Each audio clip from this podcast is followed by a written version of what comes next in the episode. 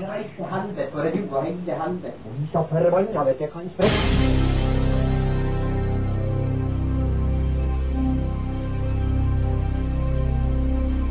Satan og helvete og idioter.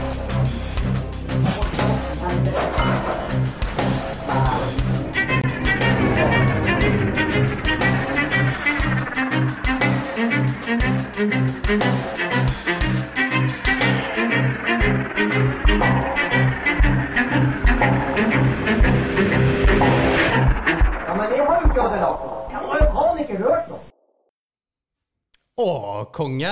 Da er vi endelig tilbake, Martin, med deg. Sist gang så prata vi ikke sammen. Nå er vi endelig på plass. Faktisk. Jeg kjørte han alene sist gang. Ja, og det er godt å være her. Fordi at i dag har jeg gleda meg mye. Uh, sinnssykt mye, faktisk. Uh, fordi at jeg har jo en uh, liten fjellklatrer i meg. Og jeg er også en drømmer, men her sitter det en kar som faktisk da ikke bare drømmer, men gjør tingene han sier at han skal gjøre. Håkon Skog Ernesen, velkommen. Jo, tusen hjertelig. Ja. Det er godt å se deg. Ja. Liten har- applaus der. Har du ikke koronabøtten med stor applaus? Vi har faktisk en applausknapp her. Ja. Nei, du, det, det her er dritkult at du eh, vil være med på. Jeg har jo sinnssykt mye jeg har lyst til å prate med deg om. Og vi har jo begynt å prate bitte litt om eh, både mulighetene i Rana, eh, mulighetene for seg sjøl, ting man burde gjøre. Eh, mye interessant som kan gjøres her i regionen, men eh, som kanskje ikke gjøres. Men Håkon, eh, hvor lenge har du vært eh, hjemme i Norge nå? Nei, eh, skuffende lenge.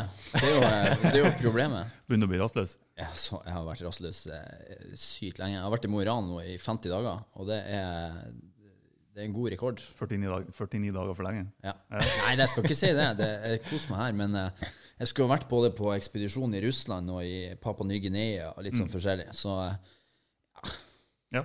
Ikke altfor kult. Men eh, Nei, men hvorfor eh, Altså, fordi at du, du bor i Oslo, og så bor du i Rana i tillegg. Altså, du, du pendler litt frem og tilbake, da. Ja, altså jeg er jo, en, eh, jeg er jo nåtidens bohem, da, så Ja. jeg, fer jo, jeg må ta ting litt sånn fortløpende. Og, og jeg bor ja i, i noe i Oslo, jobber i et agency i Oslo som musiker og spiller på events og koser meg og kjører rockestjernelivet der. Og så i tillegg så, så har jeg jo virksomhet som eventyr. ikke sant? Kos meg mye med det, gjør mye ekstremsport og mye sjukt, og da er det jo bedre å ha base i Mo i Rana faktisk enn en i Oslo. Men uh, reiser jo ja, godt, vel, ja, godt over 300 døgn i året, så hvor jeg bor hen, det har liksom aldri vært uh, Det har ikke vært eh, førstefokus. Nei, fordi at du, du kaller deg eventyrer, og man kan jo faktisk si at du er det. Og, eh, og det er jo verdens feteste tittel å ha. Eh, men hva var forrige eventyr du var eh, borti? eh, jeg var på Antarktis, Ja, faktisk. Så jeg var og klatra det høyeste fjellet der og, og kjente på skikkelig kulde. Det var Er det Vinson det heter? Jeg heter Vince Massif. Vince Massif. Vincent Massif. Vinson Massif. Og du, du nådde toppen i januar i år, gjorde du ikke det? Jo, Ja. var på toppen eh, Når var det? Kan, Cirka 5. januar, tror jeg det var. Ja. Og det var topp seks av sju? Nesten. Topp fem av sju. Ja. Sorry. Skulle ha vært på seks. Skulle for så vidt ha vært på sju òg nå, men jeg feila på en topp i september i fjor som jeg sitter litt langt inne, men jeg hadde nå sine grunner. Ok, Ja. Det var uvær, var det? Eller? Ja. Ja, det ble mildt sagt eh, dårlig vær, altså. Fy faen, det, var, det smalt til. Det var, det var 150 meter i sekundet? Ja, det var, det var, det var ordentlig mye. Altså, når vinden plukker, plukker deg opp og kaster deg av gårde, og da, Og det var på Elbo i sted, ikke sant? Det var på Elbrus, ja. ja. riktig. Og Er er det dit du skal Eller hadde planer om å dra tilbake til? Ja, jeg skulle dit 23. mars. Og tilbake dit og funnet dritbra team. Skulle dit og knuse, kjøre rekord. Én dag opp og ned hele fjellet. ikke sant? Opp eh, ene sida på ski, og så fly ned med vinger på andre sida. Med en sånn her pulk som jeg driver og utvikler med et selskap som heter Acapulca. Hvor du kan ta pulken på ryggen og så fly ned hele fjellet. Så jeg har jo vært sant, helt i ekstase dritlenge. Men nei, det ble det ikke. Men også ble jo alternativet at jeg måtte på Rødvatn og kite. Ja. Ja, men fint alternativ. ja, ja, ja. Men, men for de som ikke vet, da, hvorfor, eh, hvorfor har du vært på disse her eh, fjellturene? da? Ja. Because I can. Nei, Nei altså greia er jo det at jeg kjører et, jeg kjører et prosjekt som heter, som heter Chasing Summits, a musical ascension, eh, som er Jeg klatrer det høyeste fjelltoppen på alle kontinenter i verden. På tur opp så skriver jeg eh, musikk, inspirert av de menneskene jeg møter, det kontinentet som jeg er på, og ikke minst eh, altså den naturen som jeg går gjennom, de opplevelsene som jeg har. For det er ekstremt kontrastfylt å gå, gå på veldig høye fjell. da. Du opplever mye, og både, både sånn naturmessig, men også ikke minst internt. altså I din egen kropp så går du gjennom alle fasene som du egentlig ikke burde være gjennom. Dem er du gjennom på en og samme dag. Så jeg skriver musikk ut ifra det. Kommer opp på toppen, prøver å skri, eh, spille så lenge som mulig ut ifra hva forholdene tillater, og kommer tilbake og da arrangerer det her ut da, som, som en, en, symfoni for 70 musikere. Så det er det som er på en måte prosjektet mitt. Så ja, det er en sånn eventyrvinkling på, på, på det man skal gjennomføre, men det er for at det rett og slett er dritvanskelig å gjennomføre. Mm. Men så er målet her er kunstnerisk. For det er jo Jeg syns jo det er helt sjukt, egentlig. altså det, For meg så er det her helt sinnssykt. Uh, og du gjør jo egentlig noe som veldig, veldig, veldig få folk har gjort før og kommer noen gang til å gjøre. Uh, I tillegg så gjør du det jo på en unik måte. Uh, det er jo ille nok å, Eller ille, det er jo vanskelig nok å bestige Mount Everest. Uh, men å gjøre det med en saksofon på ryggen og skal spille en minikonsert på toppen Uh, ja, Å skrive låter, for det visste jeg ikke. Altså, det er, jo, det er jo, vi kan jo være ærlige og si det er jo verdens dårligste idé. Altså, eller dummeste idé. Ja, men sant, det, er jo, det, er jo, det er jo det, for mange faktorer her som kan gå feil. Og en liten, en liten, et lite feiltak kan gi følgefeiler. Og dessverre så er jo konsekvensene fatale da, i sånne her mm. type omgivelser. Men, uh, men uh, jeg er jo Ja, jeg har nå kanskje litt liberal holdning til uh, risikovurdering og tenker at uh, med gode forberedelser så kan man klare det meste. Ja. For hvordan er forberedelsene til en sånn tur? Ta um, Mount Everest, f.eks. Det er jo steinhardt, ikke sant? Og, og, det er klart, det skjer jo ikke Du begynner ikke å bli stressa helga før da, for at shit, faen, skal til Everest neste uke. Du blir jo, du blir jo stressa året i forkant når du har betalt det du skal betale for at det er hovedmye, og så bare er det rett og slett eh, Så må du begynne å trene, da, for at du skal jo du skal jo rett og slett ut i det klimaet som er det hardeste i hele verden. Udiskuterbart, liksom. Det er det kaldeste, og det er minst oksygen, og alt i kroppen din kommer til å kortslutte. Spørsmålet er bare hvor høyt du kommer opp før det begynner å bli kritisk. Så eh, det, du driver jo på en måte med, med livreddende arbeid fra dag én, året i forveien. Og det er jo med forbehold om at du er i ekstremt god fysisk form året i forveien. Så kan du begynne med spesialisert trening. da. Og da begynner du jo med å trene Altså, jeg har en bakgrunn innenfor idrett i tillegg til musikk, da, så jeg har jo gode rutiner på trening, men du må jo spesialisere treninga di, og du må gå lange turer med ekstremt tung oppakning, og du må hat, du må få mye sår, du må få gnagsår på alle de plassene som du kommer til å få gnagsår på før du kommer til Mount Everest, for du kan ikke begynne å få gnagsår der. Da, det er en dårlig idé. Men uh, det er jo ikke bare å hive seg opp uh, på Mount Everest når man vil heller, for det er jo et, det er jo et vindu der. Mm. Um, og hvor kort er det vinduet man kan dra opp? Ja, det, er jo, det, er jo, nettopp det som er litt av utfordringa. Spesielt i år Sant? så var det jo utsatt med at det var mye Eller folk var jo oh, oh my God, so many people up there. Ikke sant? Og da kjørte det der. Så klarte jeg det. Verdens høyeste fjell. Det skulle bare mangle at det er iallfall 700 stykker i året som har lyst til å besøke det. Mm. Men så har du totalt et værvindu, eller totalt et vindu på to uker i året hvor du kan gå opp på grunn av været. For der oppe så ligger det sånn jetvinder som er helt ekstrem. Eh, og de blåste jeg jo av fjellet, så det, de vil jo ikke gå i. Um, og i år så var det jo tre av de 14 dagene som var mulig å gå opp til toppen. Og det er klart, da blir det, da blir det mye folk. Så vi prøvde jo å være ja, hva man skal si, ekstra smart med å, med å prøve å bli de første opp på toppen i år. For da Forhåpentligvis var det ikke så mange som var etter oss. Ja, Du må stå i kø oppover der. Og, ikke sant. Ja. Som skjedde, og folk døde pga. det. Det har man ikke lyst til å oppleve. Når du var der oppe? Ja, mye, mye dødsfall, dessverre. Og, mye? Og den slags.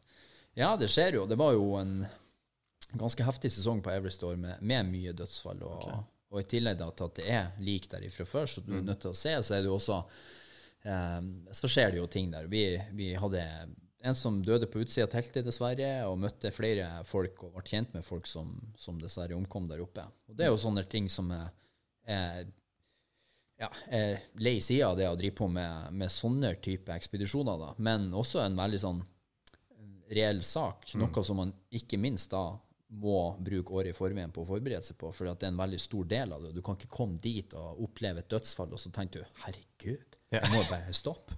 Sånn, det, skjer ikke, for da dør du. Men var du forberedt på det? Sorry. Ja, altså, jeg, jeg vil påstå at jeg, jeg gjorde en god, eh, en god jobb i forkant med å prøve å være eh, forberedt. Og når det skjedde at jeg så liksom det første liket der oppe, jeg var jo kjempespent på hvordan jeg skulle reagere. Men det var litt, sånn, det var litt mer sånn her Ja, skjønner. For det er jo ikke et fint syn. Det var en mann som har ligget der i 40 år eh, og ikke råtna pga. lave oksygentall. så han på en måte han ligger der ennå og skinner helt hvitt, og klærne begynner å smuldre opp, og han kommer fram, og det er ikke noe trivelig, liksom. Men det er klart, hvis at du da får panikk, så kan kroppen kortslutte, og det er liksom det man ikke ønsker. For, for dem som blir dessverre liggende der, for dem, det som du sier, de blir liggende der. De råtner ikke, de forsvinner ikke. De kulde og, og lavt oksygennivå, de, det gjør at de, de er der. Det er jo, eh, det er jo en ganske sånn in your face-opplevelse med tanke på hvilken risiko man faktisk tar ved å gå opp fjellet. Det er, jo, det er jo eh, absolutt en påminnelse på hvor man er da, og det gjør at du blir skjerpa etter hvert. Eh, du, jo høyere høyere opp du kommer. Og det er jo bare sånn at, at over 8000 meter så er du innenfor det som heter dødssone. Det er liksom så lite oksygen at kroppen dør uansett eh, om du bare ligger i ro. Um, så, så, er det sånn at man, man ønsker ikke å, å, ta ned likene derifra, fordi at det er for stor risiko for de personer som er involvert. Mm. Og det koster for mye penger. Det koster ca. 80 000 dollar å redde ned et lik fra over 8000 meter. Fordi at det må 20 mann til opp for å redde ned for at det er så ekstremt uh, tungt å være der oppe. da. Og de må ha oksygen, de må ha et nettverk rundt seg. og liksom... Hva, hva er det som gjør at folk faktisk omkom? Hva, hva, selvfølgelig, Man tenker ja, det er selvfølgelig stor risiko å gå 8800 meter, eller noe sånt. Ja, 8848. Ja. Uh, men, men hva er det som egentlig er risikoen? Nei, Er det kulde, er det det vind, er det vær? Det er nok det- oppsummering av alle faktorene. Ja. Um, på vårt toppstøt så gikk vi oppover, og vi hadde nok et, vi hadde totale støtet vårt som var på 40 timer. Så vi gikk jo 40 timer uten, uh, uten søvn, og uten å egentlig få slappe noe særlig mye av. Uh, I tillegg til det så har du ikke tilstrekkelig med oksygen i de timene der. Du er også så høyt oppe at uh, tarmene dine slutter å funke, så du tar nesten ikke opp mat. Du får ikke i deg nok drikker. liksom Mange faktorer her som, som spiller inn. Og I tillegg så får vi Vi opplevde bl.a. også syklon på tur oppover. Det var en syklon som kom innover eh, Himalaya i, i mai i fjor, da, og da eh, ødela jo nesten halve India. Og da sto jo vi og bare med isøks og holdt oss fast i bakken. og liksom Det var eh, høye vinder. det var jeg jobber jo med, med et selskap som måler temperatur, så jeg hadde en temperaturmålingssystem opp, og det var liksom, det var 29 minus og, og kjempekaldt. Og det du dør av der oppe, det kan være veldig mye forskjellig. Eh, de som har sett den filmen som heter Everest, det er, veldig, det er, det er basert på ekte historier. Det skjer. Og eh, folk detter ned. Folk eh, pusher sjøl for hardt-.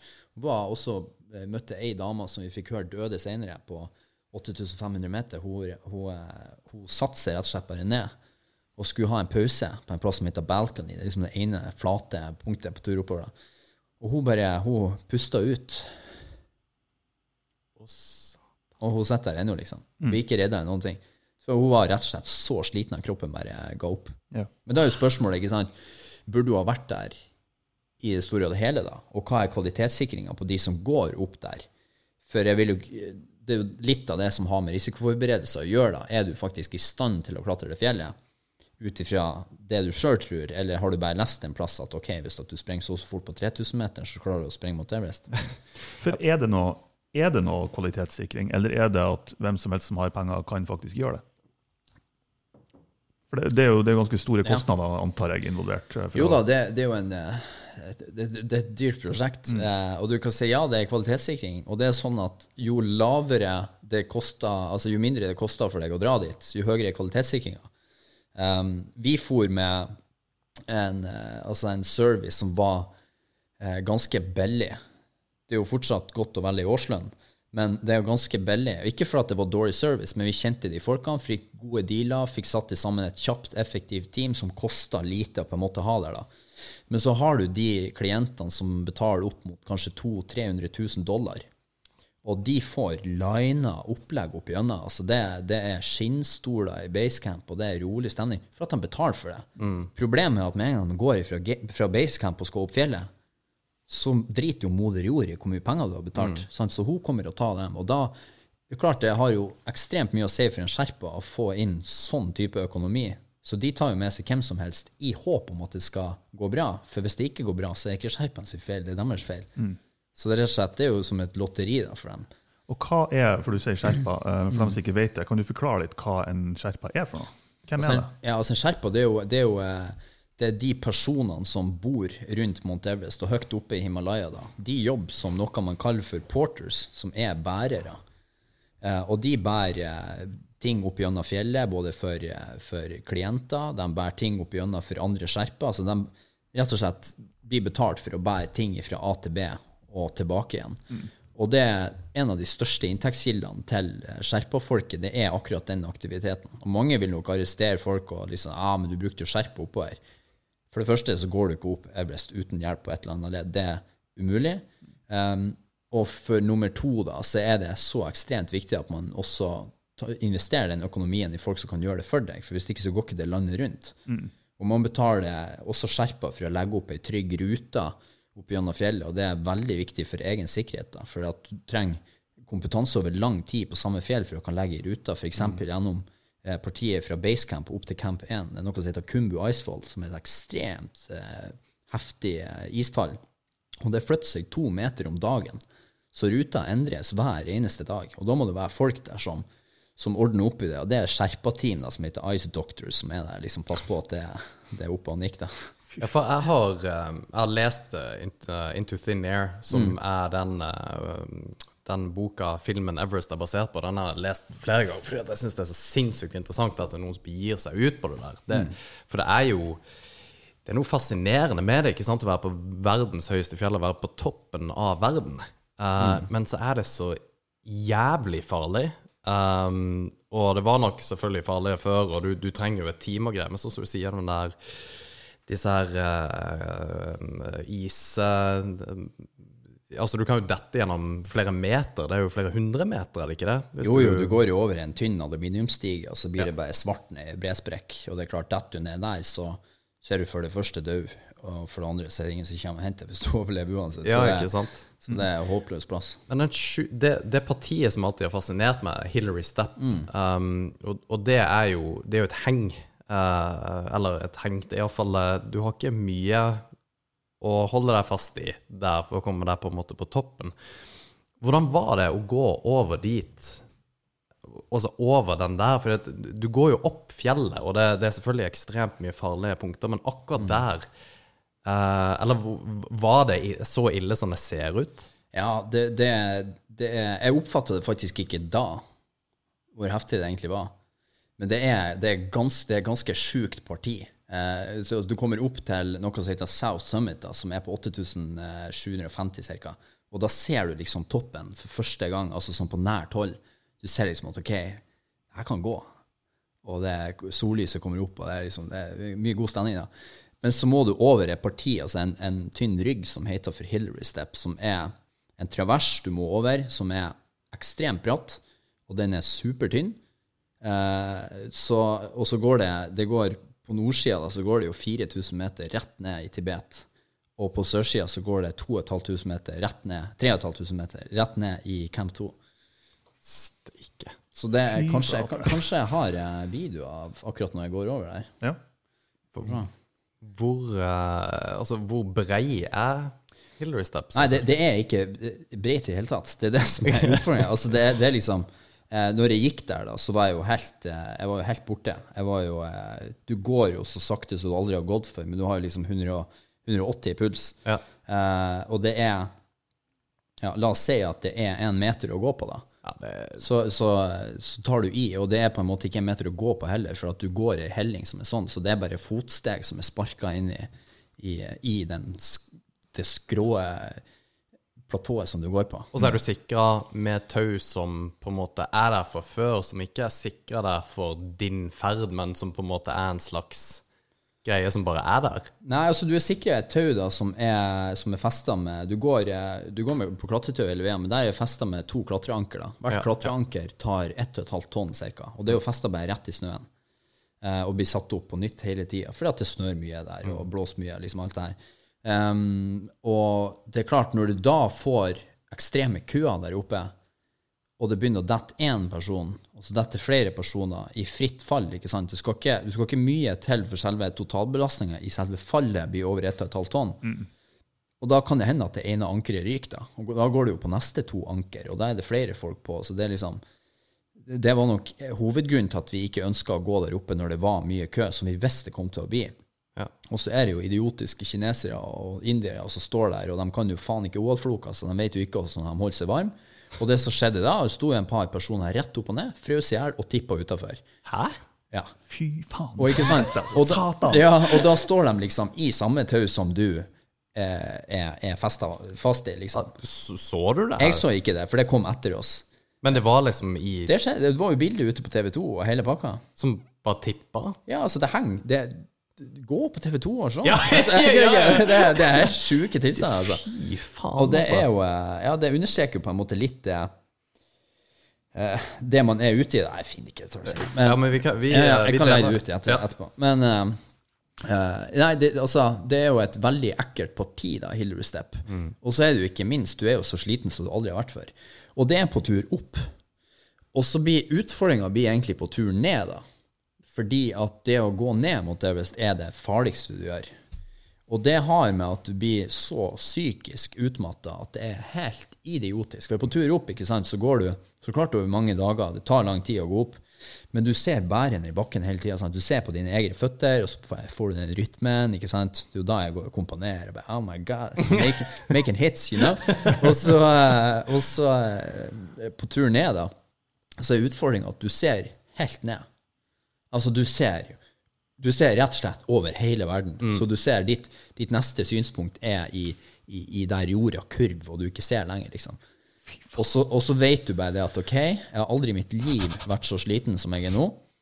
Og så må jeg faen meg gå ned i tillegg. Og så ser du bare at det er så forbanna langt. Ja, for ikke bare skal du på toppen, men du skal spille på en måte en liten uh, blir bare verre og verre med meg. Spille en låt, men så skal du òg ned, ja. Ja. Det er, det, for å si det sånn, det var, det var ikke alt jeg hadde overtenkt på forhånd, så jeg, jeg er glad. Jeg så jo denne filmen som er lagt ut. eh, Jeg tror det er Real Turmat som har eh, filmen din som er, hvor du er der oppe. Og det ser så jævlig kaldt ut. Og jeg har ikke møtt deg før sånn in person. Og sånn som nå så er du veldig energisk og har mye å by på i hele pakka, men den filmen der, når du ser Altså, det, det, er, ikke, det er ikke samme person, liksom. Der er du eh, Ja, det, det, der er det mye som spiller inn, og det er jo klart, jeg er jo, da hadde jeg jo vært våken i 40 timer, liksom. Så det er jo ikke noe, det er jo vondt i seg sjøl, og har jo ikke fått i meg næring på kjempelenge. I tillegg måtte jeg jo ta av oksygenet når jeg var der oppe, eh, for å spille, rett og slett. Og når det er så kaldt i tillegg, så, så, så kondenserer også den lufta så du puster inn i lungene. Så lungene, og når du da får lungeødem i tillegg, så, så, som du får gradvis, da, så fylles jo lungene sakte opp med vann, og det er sånn eh, dårlige forhold. Ja, Ja. det vil jeg påstå. Hva i faen? Det, nå, nå har vi, vi, har, vi har nevnt et par ting her nå som, eh, som eh, liksom Ja, det, det viser eh, eller forteller folk hvor stor risiko det faktisk er, og utfordringer og sånt. Så hva er det som får deg til å gjøre det her? Hvorfor? Hva, når starta eventyrlysten din? Ja, det, det, blir jo, det blir jo viktig å diskutere etter hvert. Altså ehm, Jeg starta jo som musiker. Det er jo det som er min, min eh, plan når jeg begynte på Musikkonservatorium, at jeg skulle bli, jeg skulle bli en av verdens beste musikere, og, og la jo tempoet opp til å gjøre det, og øvde jo ekstremt mye, og det var livet mitt. Og resultatet når du legger mye innsats i noe, er jo at du får muligheter. Og, og jeg fikk jo også det, og begynte å reise rundt omkring i Norge og i Russland og Skandinavia og, og Europa. Og så liksom, plutselig så var verden mitt nedslagsfelt. da. Eh, Men det som, det som skjedde når du gjør eh, ja, sant? Vi trenger ikke å legge skjul på KV1. Tørst folkeslag, gratis eh, Gratis eh, Gratis muligheter.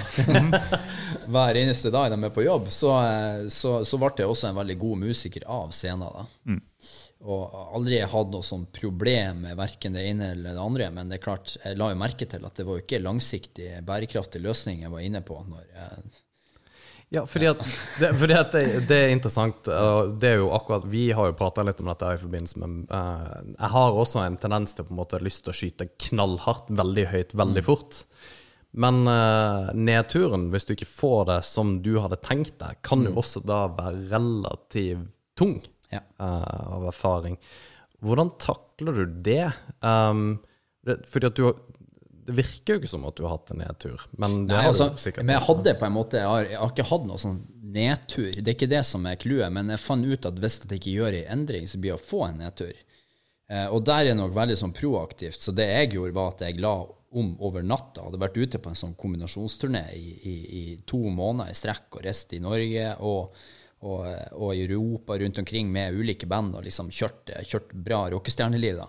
eh, og, så, og, så, kom jeg hjem, og jeg var jo så sliten som jeg liksom aldri har vært før. Og bare fant ut at det her går jo ikke i hele tatt. Så jeg bare la om, og så begynte jeg med ekstremtriatlon liksom, og bare fant det verste jeg kunne komme inn på, som var motpolen til det jeg drev på med. Fordelen da var at det var jeg, begynte ute i et territorium som ikke var forska på i det hele tatt. Så jeg begynte starta liksom et segment og ble en pioner innenfor å kombinere musikk og opplevelser, liksom den, den, greia der.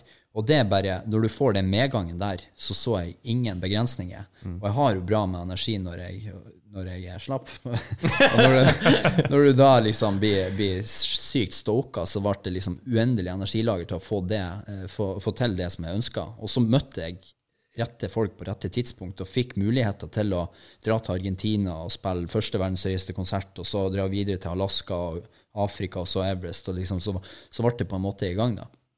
Men hvor, hvor kommer um, For du, du, sa at du, du uh, begynte med um, triatlon for mm. at det på en måte skulle ta over for et eller annet. Men hva er det det tar over for? Hva, hva er det du søker etter? Hva er på en måte higet?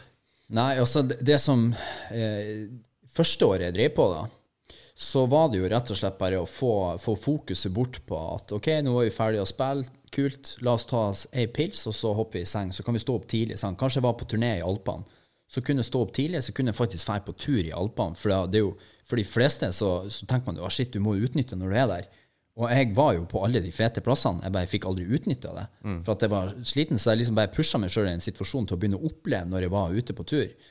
Eh, og så er jo det som er, er litt av clouet når man snakker om prestasjoner, at hvis at du har klart å prestere og bli på en måte ekstremt god innenfor ett felt, så er det ikke noe problem å bli det på noe annet, for du vet hva som skal til, og du har mest sannsynlig sånn intern strategi på hvordan du skal gjøre det. Så jeg bare begynte å legge opp til at ja, ok, hvorfor ikke prøve å bli så god som mulig i triatlon? For det gjør jo bare at jeg kan jo oppleve enda mer når jeg er ute på tur. Mm. Så gjorde jeg første året. Det gikk for så vidt superbra, det. Og så begynte jeg med det her Norseman og de her internasjonale ekstremtriatlonene som er liksom de hardeste konkurransene i verden. Og så fikk jeg etter hvert også liksom sånn semiproffe eh, resultat på det, og var vinnerkandidat på et løp og litt sånn her forskjellig. Har du, har du kjørt uh, Norseman? Ja, ja, ja.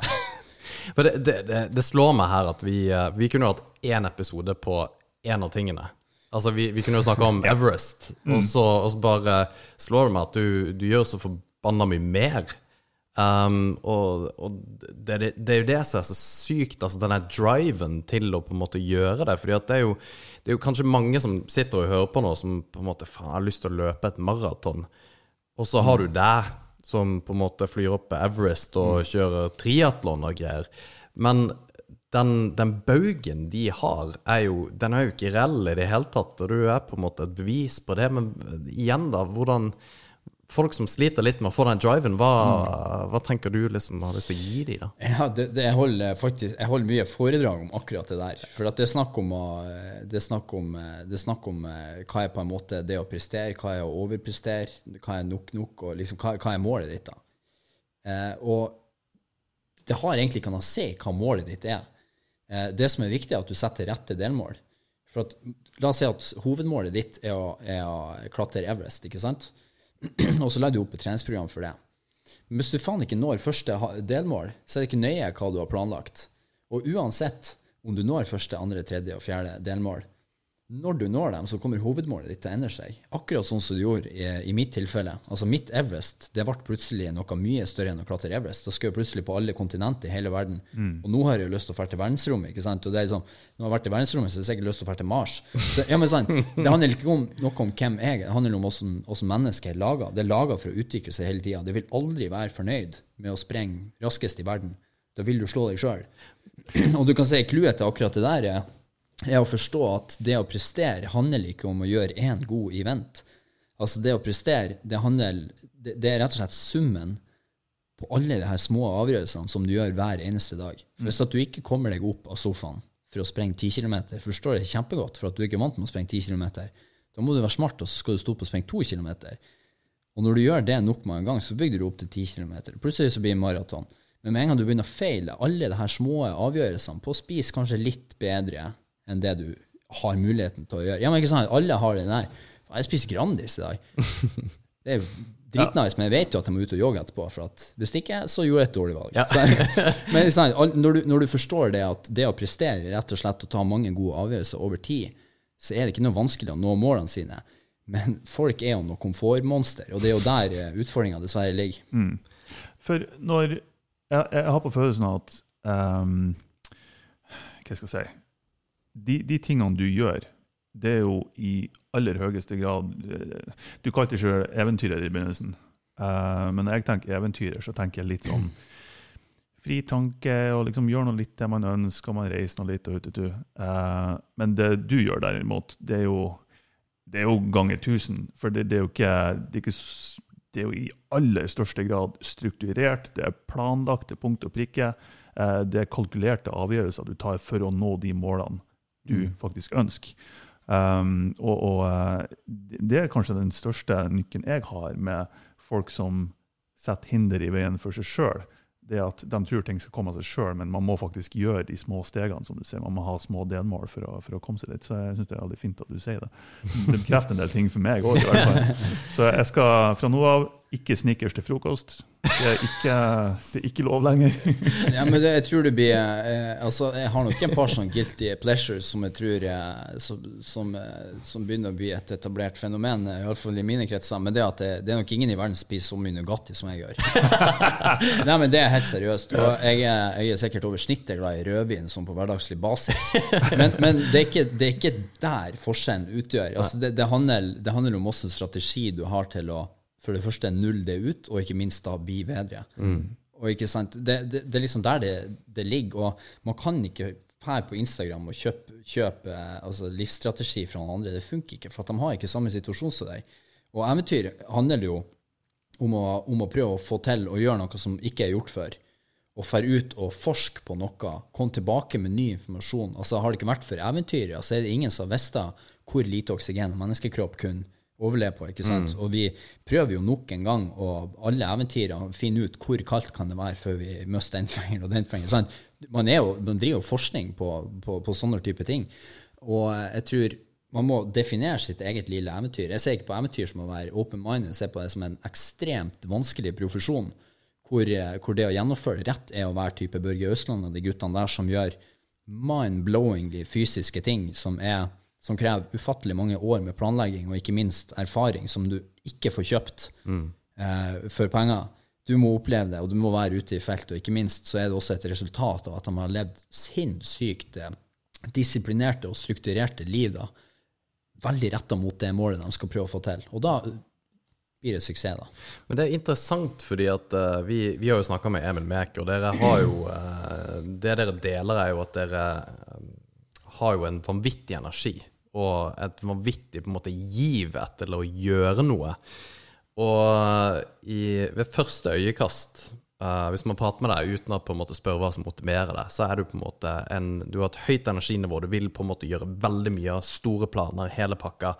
Uh, Emil har akkurat det samme. Han skulle liksom bli best i UFC og hele altså den greia der. Og veldig mange tenker at ja, ja, ja. Det er en litt sånn flyktig idé. Men igjen så har det dere begge har, uh, har en sånn method to the madness, da. For du, du bryter jo dette ned. Du, du har Du var jo egentlig akkurat det du sa, var at det er greit at du har et vanvittig mål, men det er ikke helt bananas. Du, du vet faktisk hvilke mål du, eller delmål du skal ta. Men hva var det som var hovedmålet? Var det Everest? Nei. Det, det er jo det som er, som er clouet. Og det handler ikke om at jeg ikke hadde som hovedmål på et tidspunkt å komme til Everest, men sånn at det endra seg underveis.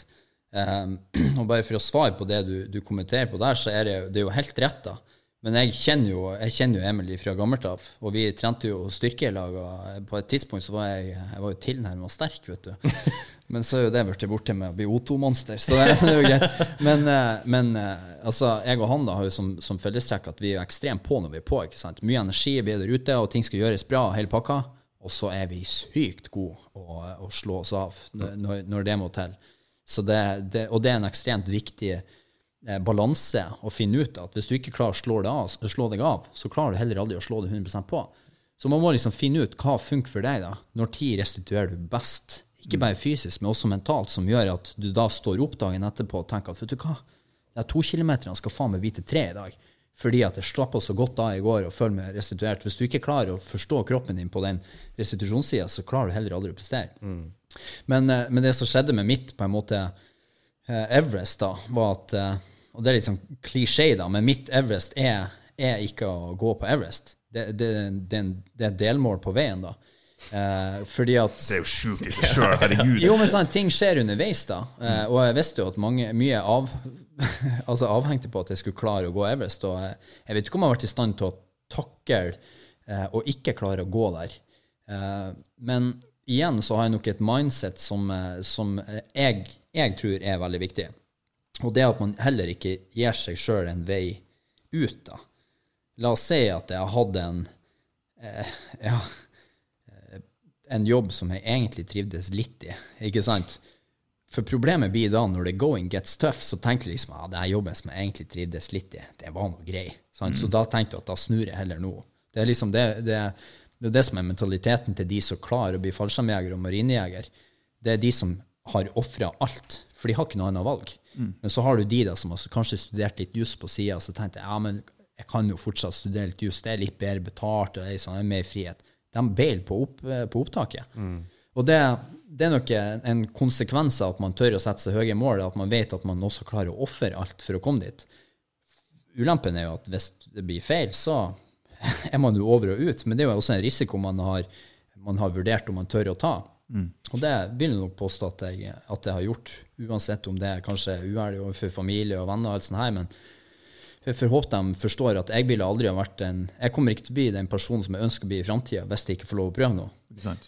Og hva, jeg tenker litt sånn, Med den, den livsstilen som du lever, eh, mm. uten at vi har egentlig, Foruten de målene du hadde og det du har gjennomført til nå, så, så vet vi ikke så mye om eh, livsstilen din personlig. Men hvilke utfordringer har det skapt for deg personlig å gjøre alle de tingene du gjør? For det er jo en ekstremt utradisjonell og tidskrevende livsstil, vil jeg tro. Ja. Eh, Hva har utfordringen vært? Ja, det, det, vil jo etter hvert eh, tippe i løpet av de episodene dere har, etter hvert så vil det bli noen sånn fellesnevnere. Og jeg tror det, det å rett og slett um, definere økonomi som en viktig motivasjonsfaktor, kommer til å bli viktig. Og det bare legg merke til at jeg tror ikke ambisjonen for noen av de som sikter høyest i verden, er at de skal bli rike. Men de har bestandig kommet i en posisjon hvor de ikke har penger og er ekstremt mye underskudd. Og det skal jeg innrømme at jeg er. Mm. Som faen, det koronagreia det slår meg midt i trynet. altså. Mm. Og det, jeg har vært, jeg har levd på kredittkort nå i flere år og betalt ekspedisjoner med, med, med, kort som jeg egentlig ikke burde ha. litt sånn helt hit og dit. Jeg kommer med i vater, og jeg kommer akkurat i havn. Men det er for at jeg plasserer meg sjøl i en sånn posisjon at jeg har ikke noe annet valg enn å, enn å rett og slett svømme ut av faen. Hvis ikke så når jeg ikke land, liksom. Mm. Og det er jo ikke alle alle som vet det, men, men det, det, gjør jo at jeg jobber sinnssykt hardt. Og jeg står opp eh, og gass på fra morgen til kveld og tar jo aldri pause før jeg når de målene som jeg vet jeg må nå for å holde meg sjøl flytende. Så det er jo en Dessverre, altså baksida av medaljen er jo at det er nok en relativt røff livsstil, og det er nok der folk dropper av, da. Men du liker den livsstilen?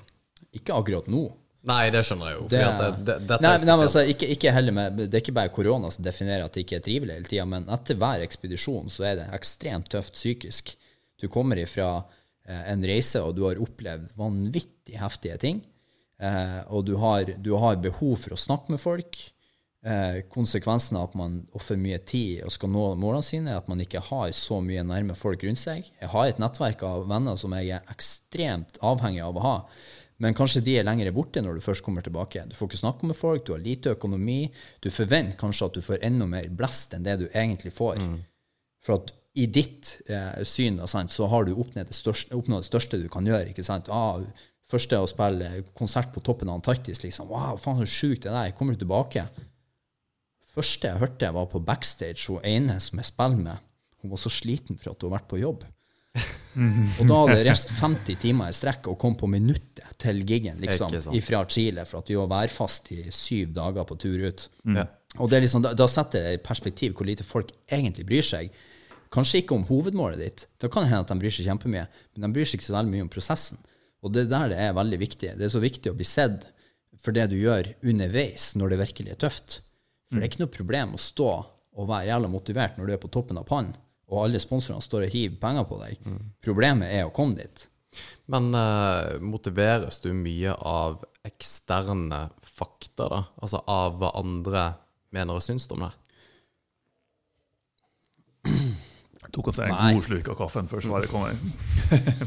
Smatt litt på den.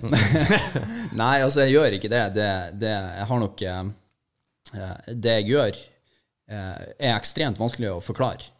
Eh, og jeg kan eh, Folk vil ikke forstå hva jeg driver på med, før de kan sitte i operaen og se KORK fremføre mine melodier med skreddersydd video i bakgrunnen. Anne Lindmo sto og spurte meg åssen var det når du så ditt første lik, så sier jeg hør her og se her.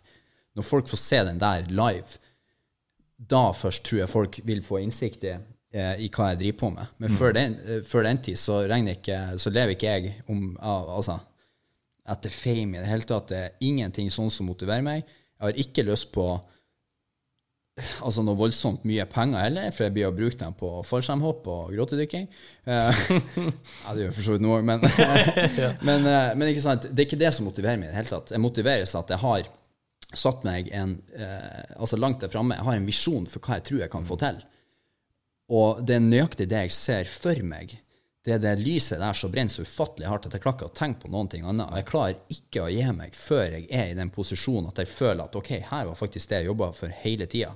Og om det vil tilsi at jeg må til Everest og ned igjen og ennå reise videre og sånn her, så be it. Jeg må rett og slett bare gjennomføre det. Men jeg er jo født med sikkert både en ja, sykdom med masse bokstaver og litt så forskjellig, men, men, eh, men En eller annen diagnose. ja, noe, noe har jeg. Men, eh, men også en, en ekstrem sånn visjonær tankegang, da, hvor jeg ser for meg nøyaktig det resultatet jeg har lyst til å få, klarer dessverre ikke å gi opp før det Mm. står der. Og så er det jo godt å shutte opp en par sånne her bedrevitere underveis, og folk som tviler på deg. Det er jo en litt sånn hverdagslig, koselig sak. Ja, for du motiveres litt av det. Ja, mye hat. Ja. Ja, men også, det er liksom, hvis du, du må motiveres av det som er positivt. Men så må, også, må du også være i altså, evnen å bli motivert av det som skulle ha dratt deg ned. For hvis at du blir dratt ned av sånne sleive kommentarer og avisinnlegg i, i, i, avisinnlegg i, i Randabladet av folk som sitter og syns og tror, som egentlig ikke sitter med nok informasjon Hvis at du blir dratt ned av de, så vil du aldri komme deg opp igjen. Men hvis du evner å bare ta det der lille hatet der, hvor de tror at de tar deg og liksom bare, ja, hør på meg, hvor smart jeg er, og jeg vet bedre enn deg, og så bare tar du den, og så viser du dem nøyaktig hvor feil de tar, så går du og snakker med dem etterpå. Altså det, det er jo som å vinne UF, UFC, altså det er helt nydelig. Det, det høres ut som du, du refererte en spesifikk person her. Ja, ja, det, ja, men herregud, det har skjedd her på Mo, det har også skjedd rundt omkring. Hvordan kritikk er det folk kan komme med? For det er jo en eh, jeg håper å si, individuell greie du gjør. altså litt sånn eh, Jeg vet ikke om Emil sa det, men mange fightere ser det i, UFC og MMA og sånne ting. For vi er jo begge to kampsportfolk. Eh, at det er jo en ganske egoistisk sport. Og jeg vil tro at det til en viss grad er det for deg òg, selv om du har et team rundt deg, selvfølgelig. Jo, men det, det er på akkurat det samme. Altså, det er, det er Altså, vi er alle egoister. Det er, du kommer ikke unna det. Altså, det, det er liksom det å definere egoist som en negativ sak, det er det dummeste som finnes. Ja. Altså, det, det, mor Therese var en egoist. Hun tenkte jo så klart at hun sjøl måtte få i seg mat før hun ga nestemann. Hvis ikke så klarte hun ikke hjelpe så mange som hun gjorde. Altså alle er egoister. Altså, når du ser nå på idrett, musikere, alt det Hvis du ikke er en enorm egoist, så klarer du ikke å bli så god som du trenger. Men ambisjonen din for å bli så god er ikke for at du skal uh, stå godt deg. Det er rett og slett for at du føler at du har noe her inne som alle skal få se. Alle burde få se hvor flink du er på ski, og hvor fort du kan gå på ski. Hvis det ikke har vært publikum, så er det ingen som ville ha gjort det. Og det handler ikke om at man skal stå og speile seg i glansen hele tida. Det handler om at man klarer å skape noe som er større enn seg sjøl. Og det er jo det som er egoist, egoisme på sitt beste. Det er jo da det virkelig får sin fulle kraft. Det er når alle får en del av en, altså resultatet til én egoist. Og jeg mener at det er enormt positivt. Men det er klart det er mye sånn der hat, og folk forstår ikke hva man driver på med. Det er veldig mange som ikke vet hvor jeg får lønna mi ifra. Og det er en sånn her en, en, en, sak hvor folk eh, blir ekstremt engasjert. Ja, hvorfor? For i Norge, Norge så har, Hvorfor det? Det, det skjønner jeg ikke. Fordi at Jeg vet jo Altså, jeg, jeg får lønna mi for at jeg lever drømmen til veldig mange andre. Mm. Sant? Jeg kan leve det drømmelivet som de fleste eh, har lyst til å gjøre. Ikke på med alt det jeg gjør, men sant? jeg gjør såpass mye rart, og på et eller annet tidspunkt så tenkte jeg shit, faen, kult, det vil jeg òg gjøre. Og bare sånne type ting. Hvis du er smart, så kan du på en måte commercialize det og tjene penger på det. Men det er jo et kreativt yrke, og jeg tjener penger på å spille konsert for folk og på events og med musikere. Det er der jeg tjener penger, ikke sant? Men vi har en sånn her kultur i Norge med at det er så ekstremt etablert å spørre ja, men hva tjener du for noe? Og hva du tjener? Hvor mange timer legger du ned? Og liksom hva du har i timen? Og, og, faen, er det nøye? Ja, ja. Er det janteloven som eh, Så sjukt. det er det. Jesus. Faen, det, det har jeg aldri skulle ha trodd i, i et sånt tilfelle. For det er sånn, hvem faen har lyst til å gjøre det du gjør? Altså, det, Takk. Ja, men takk. Jeg vil jo aldri ha råd, rådgitt meg sjøl til å gjøre det her på nytt. det, ja, nei, det, det er Og helt der er vi for forskjellige, altså. Fordi at når du begynte å prate om hver eventyr, jeg sitter og så du sier at ja, den jobben du liker litt, og jeg sitter faen, kjenner han meg godt allerede, eller hva er greia? Ja, for jeg kjenner meg veldig igjen der. Um, og det, det er jo så deilig å på en måte treffe noen som bare har lyst til å gjøre noe. Altså utenom det vanlige. For hvorfor skal vi være en gjeng som bare på en måte gjør akkurat det samme som alle andre gjør, og tar den samme veien, og på en måte Du er jo et, eh, et utskudd der du bør være. Det er en eh, Og at hva du tjener, eller hvordan du tjener penger Altså, hva, hva i helvete? Det er jo ikke det som er viktig. det, er, det er jo viktig for deg fordi at du må brødfø deg sjøl, men det er jo faen ikke viktig for uh, oss, egentlig, som følger med Nei, det, det, det, det, altså det burde ikke ha noen ting å si, og hvis det er viktig, så gikk jeg i dundrende underskudd i fjor. Ikke sant? Men jeg har aldri hatt så fett år som i fjor. Og aldri på en måte tjent så mye personlig som jeg gjorde i fjor, på opplevelser som jeg kan høste av i ettertid. Så, så, så kan man tjene i time. Altså, who gives a shit? Liksom, og det har ingenting med noen å gjøre. Hvis det er fokuset ditt, så er du på feil plass. For at da er, da er igjen sant, da er økonomi din primære motivasjon. Og da, spør du meg, så har du tapt. Eh, Fordi at du må komme i en posisjon hvor at du har lyst til å jobbe, og du har lyst til å bli flink i det du gjør. Og da er konsekvensen at du kommer til å tjene penger. Og hvis at du da har til livets opphold, så er du faktisk i en balanse eh, som, som er sunn, da. Men det er jo sant. De som er økonomisk styrt, de kommer sikkert til å ok, la oss si de hopper inn i sånne her eh, aksjegreier, sant? så tjener de sin første million. Og da vil de tjene to millioner. Så kjøper de Ferrari. Når de har klart å få Ferrari, så vil de ha helikopter. Og kjøpt helikopter, så har kompisen fly, og så vil de ha fly. ikke sant? Slutt aldri å utvikle seg, det der. Så hvis det er din primære ambisjon, så jeg tror det er ekstremt usunt å ha det. For at da mister du deg sjøl som person. Da er verdien din den er plassert i, i, altså i, i materialistiske saker. Og da, da klarer du ikke å pushe deg sjøl til å nå det der målet som du virkelig, virkelig brenner for. Ja, nei, det, det høres uh, Ja. Det er ikke noe fasit, men det er nå min vinkling. Det er noe det jeg må fortelle meg sjøl for å komme Jo, men det er, opp og jeg ser den. Um, men jeg lurer litt på dette her um, Det der målet ditt. Fordi at du, du sier at du har et klart mål. Um, og du trenger ikke fortelle det målet, men jeg uh, Og nå skal jeg bare si hva i forhold til hva jeg har hørt, så høres det ut som på en måte du Du har en uh, Du har en tanke hva målet er. Mm. Uh, kanskje en abstrakt en. Og så har veien bitt til, og det målet har nok på en måte utvikla seg. At jeg vet jo på fra Forsvarets side, hvis du på en måte hadde fortalt veldig mange rekrutter at du kommer til å gjøre det og det og det i løpet av det året her, så kommer Nei, det, det kommer ikke til å skje. Det får ikke jeg til. Og så plutselig Å ja, faen, jeg fikk det til. Jeg er ikke laga glass. Uh, jeg får det til. Og til å overføre det litt i forhold til hva du gjør, så bare det å dra til Everest, det kunne vært et mål, og det fikk du til. Du, spilte, du spilte en konsert der, eller en, en låt der oppe. Og det, det målet må jo flytte seg hele tida. Er det et konkret mål, eller er det på en måte Nei, altså jeg har et veldig konkret mål, og, og det er hvorvidt folk vet om det eller ikke, det har ikke så mye for meg å si før det skjer der ute. Men mitt konkrete mål er å bli så god en musiker at jeg kan gjenfortelle det jeg har vært på, til dere, sånn at dere faktisk forstår nøyaktig hva det er.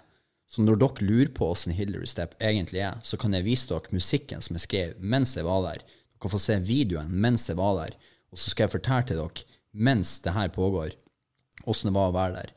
Og først da tror jeg at jeg virkelig kan formidle til dere åssen det faktisk var.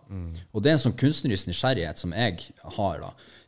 Og mitt mål er rett og slett å være så god en kunstner at dere kan være med meg på den turen som jeg var. Så når jeg kom opp på 8750 meter eh, på South Summit, så toppen for første gang, vi fikk sola, det ble vindstille etter syklonen på natta, ser utover Tibet, hele himmelen er rosa, du ser ned på fjelltopper som er 5000 og 6000 meter langt der nede, som er sånne melisdryss i tåke.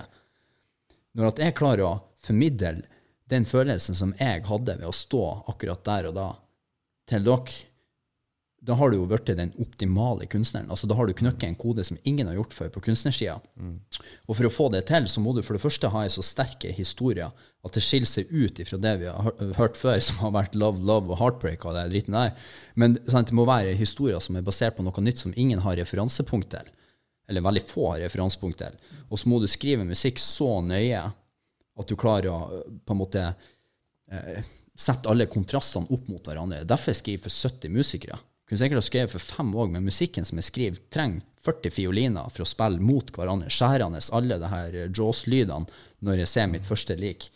Og ikke minst så må jeg også formulere det her altså verbalt da, med, å, med, med å, en fortellerstemme som forteller hva som foregår oppi hodet ditt. Hvorfor er musikken sånn som den er? Når du setter det her i én pakke, så er min visjon at jeg står i Operaen i Oslo, utpremiere, med KORK, med dere i salen, og så skriker dere fordi at dere, dere forstår gleden i det jeg gjør.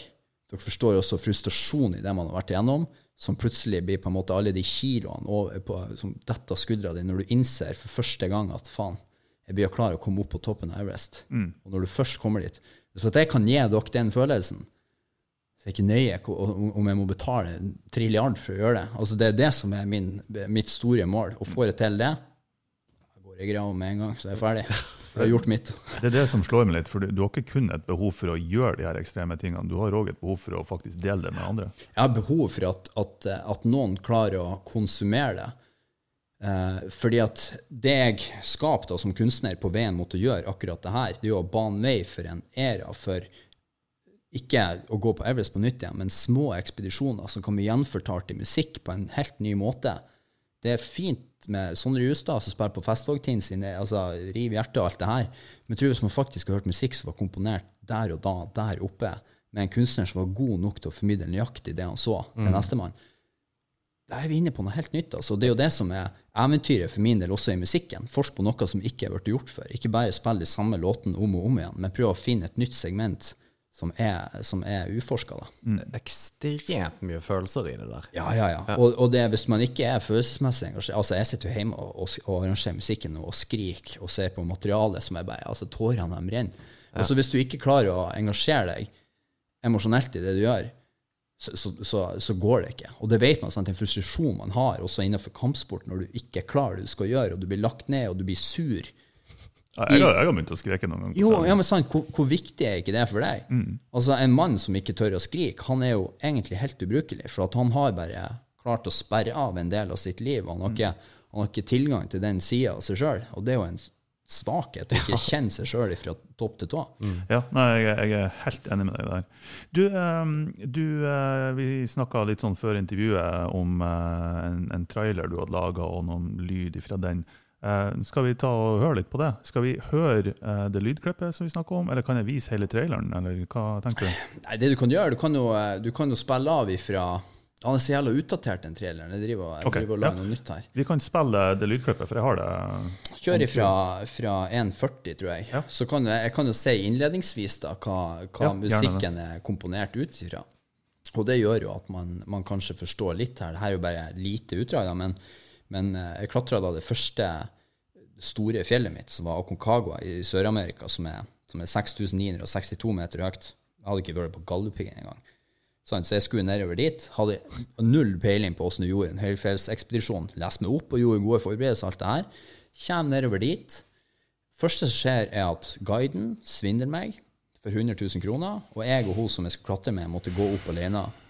Kommer opp til 5500 høydemeter, og hun får høydesyke og begynner å drite blod. ikke sant? Og jeg står opp. Jeg fikk beskjed om det her 20 minutter før vi skulle begynne på toppstøtet, om at jeg måtte gå alene.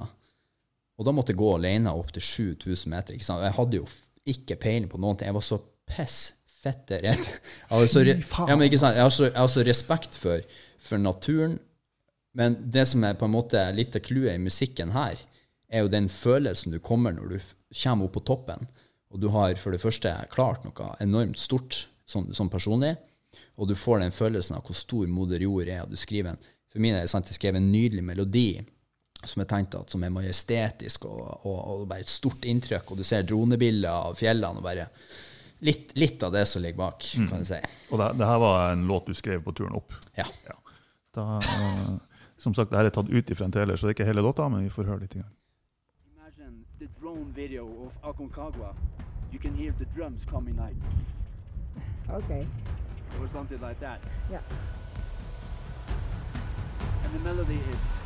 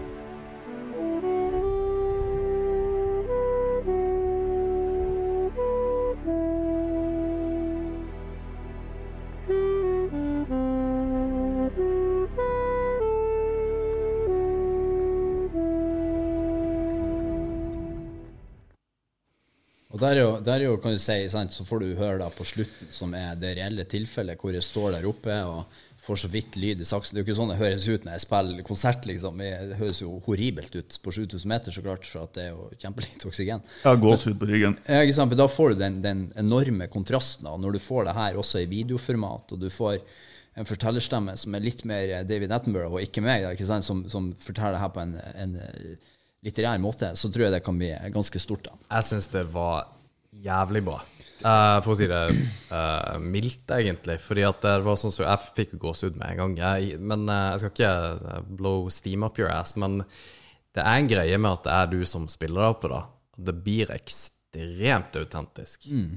Altså, det, personlig, ikke minst. det er liksom ikke Hans Zimmer eller noe sånt. Jeg skulle akkurat å si det. Jeg fikk litt sånn Hans Zimmer-vibes. Men dette her er liksom det- Du har jo opplevd det.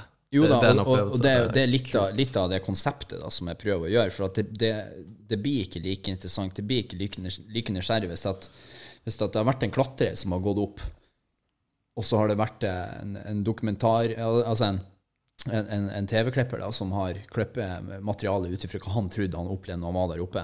Og så sitter da en Hans Zimmer, og så skriver han musikk ut ifra åssen han tror han hadde det der oppe etter at han har klippet det. Sant, der og der. Du mister så ekstremt mange ledd i formidlinga. Men når det er en og samme person som har gjort det, det er da jeg mener at kunsten kommer til sin rett. da. Og det er det som, som gjør at eh, ja, at det går på høyoktan. Det, det, det, her skal bli en, eh, det skal bli en dokumentar til slutt. Ja, målet er å få lage en dokumentarserie av det her. da, Hvor man fokuserer på, på, alle, på alle de ulike fjelltoppene. da, For at det er så enorme kontraster globalt. Når du begynner å reise rundt, og man begynner å krysse noen land på, på, på lista, og du begynner å forstå hvor, for det første hvor like mennesker er rundt omkring i verden, men hvor ekstremt ulike historien vår er, og kulturelle på en måte bakgrunner, og musikk og lyd og bilde og, og standarder for boforhold og kjærlighet og alt det her. Når du begynner å sette det her i sammen, så er det utrolig, utrolig spennende. Så se for dere å rett og slett ha Animal Planet bare med mennesker og fjelltopper. Det må jo bli bra. ja, det blir det. Ja, jeg, jeg håper eh, Når tid kan vi forvente å, å se en dokumentarserie? Du, det skulle faktisk eh, Ja, dokumentarserie vet jeg ikke. Det, det får vi se på. For at du kan si dokumentaren tar utgangspunkt i meg før jeg begynte reisene, og også til jeg er ferdig med å ha vært på verdensturné med det eh, symfonikonseptet her. For at det er like viktig for meg å få med i det her eh, oppfattelsen til mennesker som sitter ute i salen. Sånn at har jeg klart det, som er, som er mitt mål, eller ikke?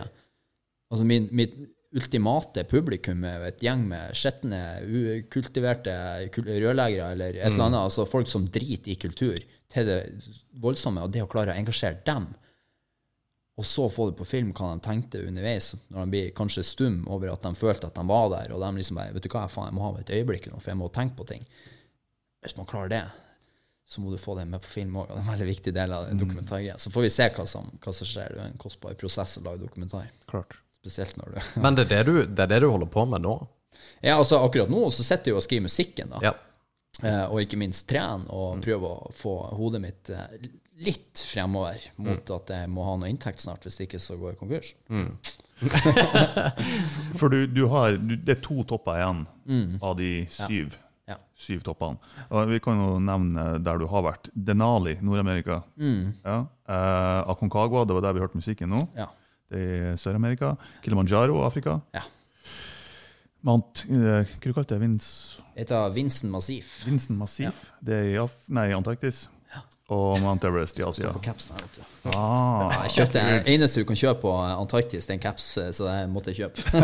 Men ba, ba, bare det òg, ikke sant. Det, det er jo, Kilimanjaro er jo relativt enkelt å komme seg til. Eh, Relativt, da. Men altså, i antarktisk Fettplass.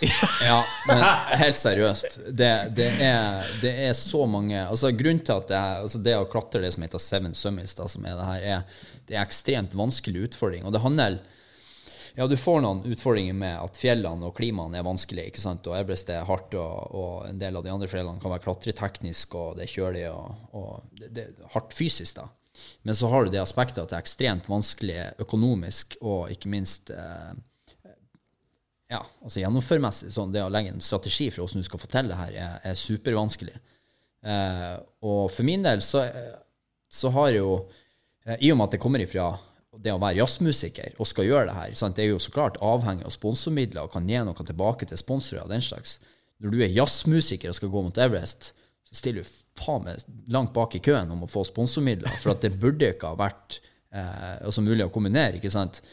Um, så jeg har jo måttet overprestert på den ekspedisjonsbiten da, for å på en måte legitimere at jeg er en, en, en profesjonell eventyrer, sånn sett. Så derfor så måtte jeg også sette meg målet om å bli den kjappeste i Norge til å gjennomføre det her på under så så eh, mange dager. da. Eh, så det er jo utfordringa nå da med denne koronagreien, at jeg må jeg, har, eh, jeg tror jeg har ja, kanskje åtte-ni måneder igjen på å gjennomføre det her, så jeg får håpe at verden eh, åpner etter. Jeg kan bare dose på og klatre ut av faen. Jeg tror det er koronavirus på toppen av et fjell. Jeg vet ikke om den, eh, det er noe fare for det, men ja. ja. det, jeg ser den altså.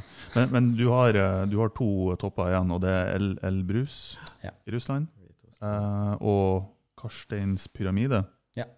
I, Os i Oceania, i Indonesia. Indonesia. Ja. Ja, nei, det er Oceania, det er Ja. kontinentet. da. Også definisjonen av hvor havplaten går. Ja, ja. Papua vet Ny ikke jeg. Guinea, iallfall. Ja. Det Fy faen.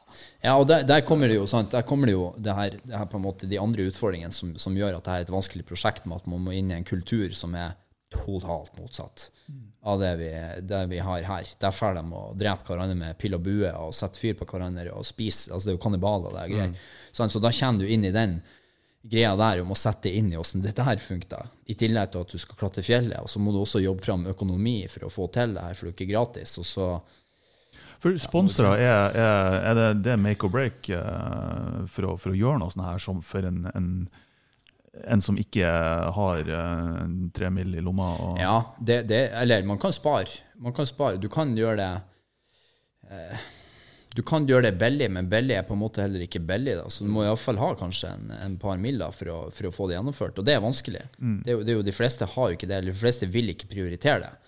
jeg, jeg har ikke, mitt, det her er ikke fullfinansiert eh, altså sponsorer fra min side. Jeg bodde jo i bilen brorparten av, av, eh, av fjoråret. Og det er liksom en Audi A6. Det er ikke noe, det er ikke noe campingman vi snakker her. Men for at jeg måtte det. Og liksom måtte ofre absolutt alt eh, for å få det her i boks. Og har jo heldigvis noen noe sånne her, altså sponsorater på, på kosthold og den slags, for, da, for å ha ikke råd til frokost hele tida.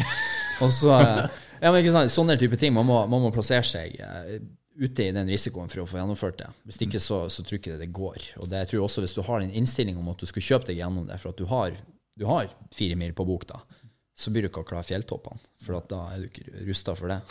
For du jobber så forbanna hardt å komme dit at eh, du på en måte Du er tykkhuda allerede. Ja, ja, ja. Og vi, når, når vi kom til Antarktis nå? Det, det er den dyreste toppen, uten tvil. Og du må, du må liksom punge ut ja, verdens dyreste flybillett fra Chile til Antarktis på 33 000 dollar, tror jeg den kosta. Eh, og du kommer dit, og så må du fly enda et fly for å komme til basecamp. Og så går vi opp gjennom. Det er et fjell som er ikke så veldig høyt. Det er 4892, tror jeg det. Eh, så det er ikke så veldig høyt, men det er veldig sør på, på globen, så det er dårlig det, det er hardt, da. Og det er jo svinkaldt. Eh, men da ble vi jo fanga i sykt dårlig vær. Noe som vi ikke kunne kontrollere. Og jeg og han som jeg klatra med, vi lå i teltet og hylskrek og var helt borte fordi at vi fikk ikke lov å prøve.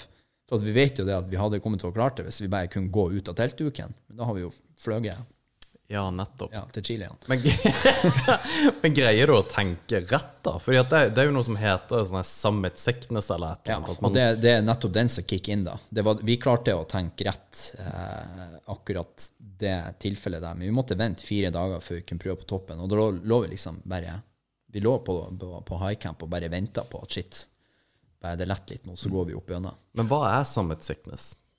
Nei, det er jo at at du, eh, at du offer At du går over grensa da, for hva du egentlig er villig til å ofre for å nå toppen. Og jeg tror man kan være villig til å For å si det sånn, la oss si at du kommer på 8500 meter, du skal på Everest, og så har du froskade på ei tå.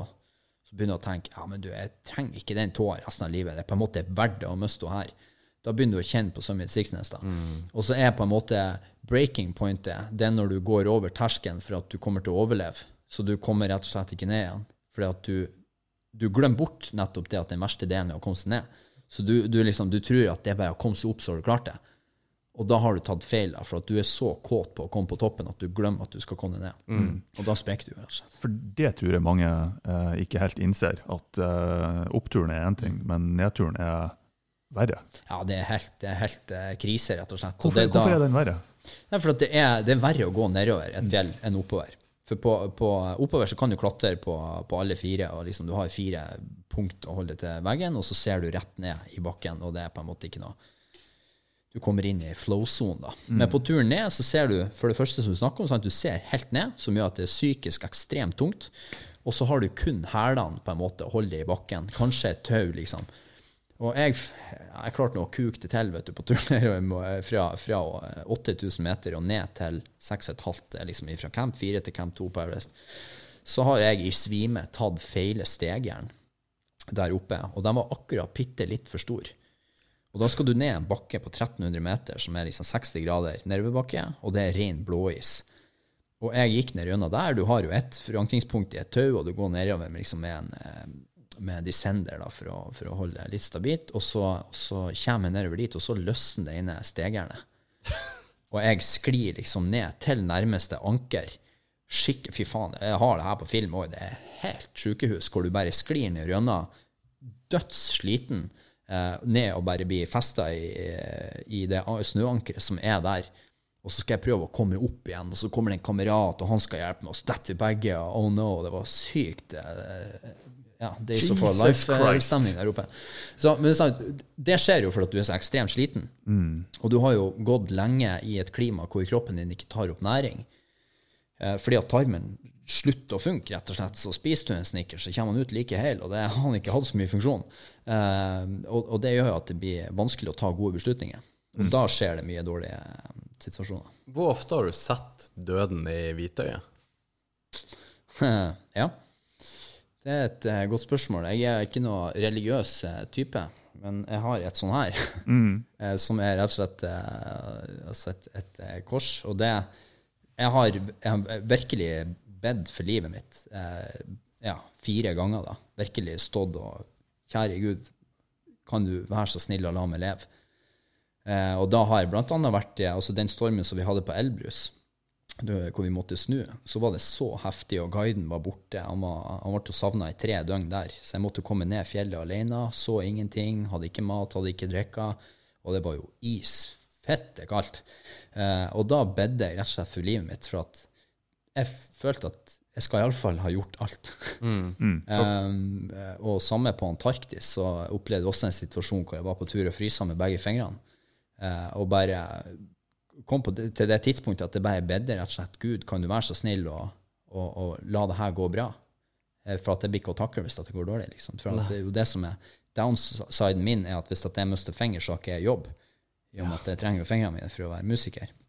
Så, så eh, det har vært en par scenario hvor jeg virkelig har nervebedd til Gud. Og det handler ikke om at jeg er stålbevisst om at jeg tror at det er noen som snakker til meg er fra Higher Spirits, men da er det, da er det siste utvei, altså. Det skal du ikke å prøve.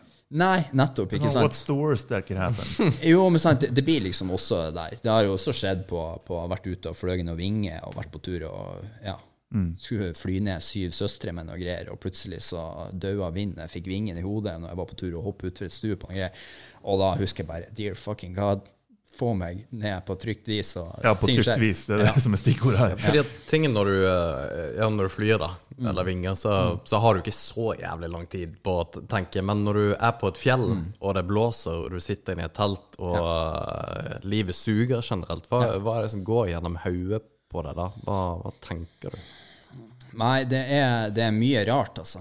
Og det er det Jeg husker jeg husker når jeg var i Russland, da, og det, det, det er kanskje den, den, det scenarioet som har virkelig gått mest innpå meg, da, hvor, hvor jeg, vi var kommet ned til 4500 meter, og det bare blåser så sjukt mye opp, og det ser, ser absolutt eh, ingen verdens ting. Eh, og jeg snur meg, og guiden min er borte, og jeg finner han ikke igjen, og det er liksom bare, bare sorgen på, på alle områder.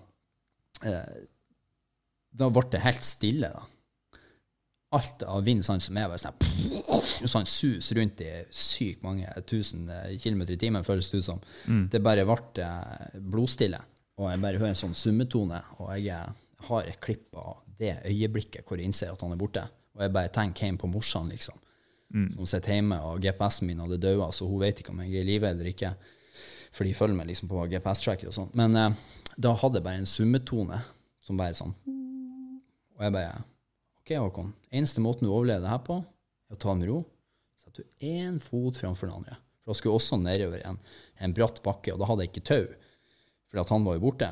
Så hadde jeg dødd da, så er jeg dødd ned 1000 meter. Så hvert eneste steg var ekstremt kritisk. da. Gikk med isøks klar til å liksom holde meg, eh, skyte henne fast i blåisen. da. Så, så du tenker jo spesielt mye på de som er rundt deg, da. For da da er du så nært at en liten glipp gjør at morsan ikke får se gutten sin igjen. Og det er Da tenker du virkelig så klart er det, er det verdt det, alt det her? Og det er noe man må være litt klar til. Du må ha et tydelig svar på det. da. For at det er, Skal du gjøre alle de små valgene hver eneste dag, og så sprenge to kilometer for å bli litt sprekere og alt det her, så må du være i stand til å takle eh, konsekvensene av det å nesten nå målet sitt, som er ja. Hva, hva som uh, egentlig skjedde med hva, hva var det som skjedde når du, du For du mista bare guiden. Hvordan, sånn mitt, mitt første tanke, for at jeg ikke har peiling, det er jo hvordan kan man bare bli borte fra hverandre når man klatrer i lag opp et fjell eller ned et fjell? Uh, hva, hva som egentlig skjedde? Nei, altså, vi, vi kom 100 meter unna toppen, eh, og da så vi ingenting. Altså, det var, det var absolutt ingenting å se, for at vinden var så sinnssykt heftig. Og så på tur ned, da, her er for så vidt det klippet, Da kan få se det, dere, så kan dere bare... Ja. Der sitter, altså, Ja, vi ser sant. Å, Jesus Å, Christ. satan.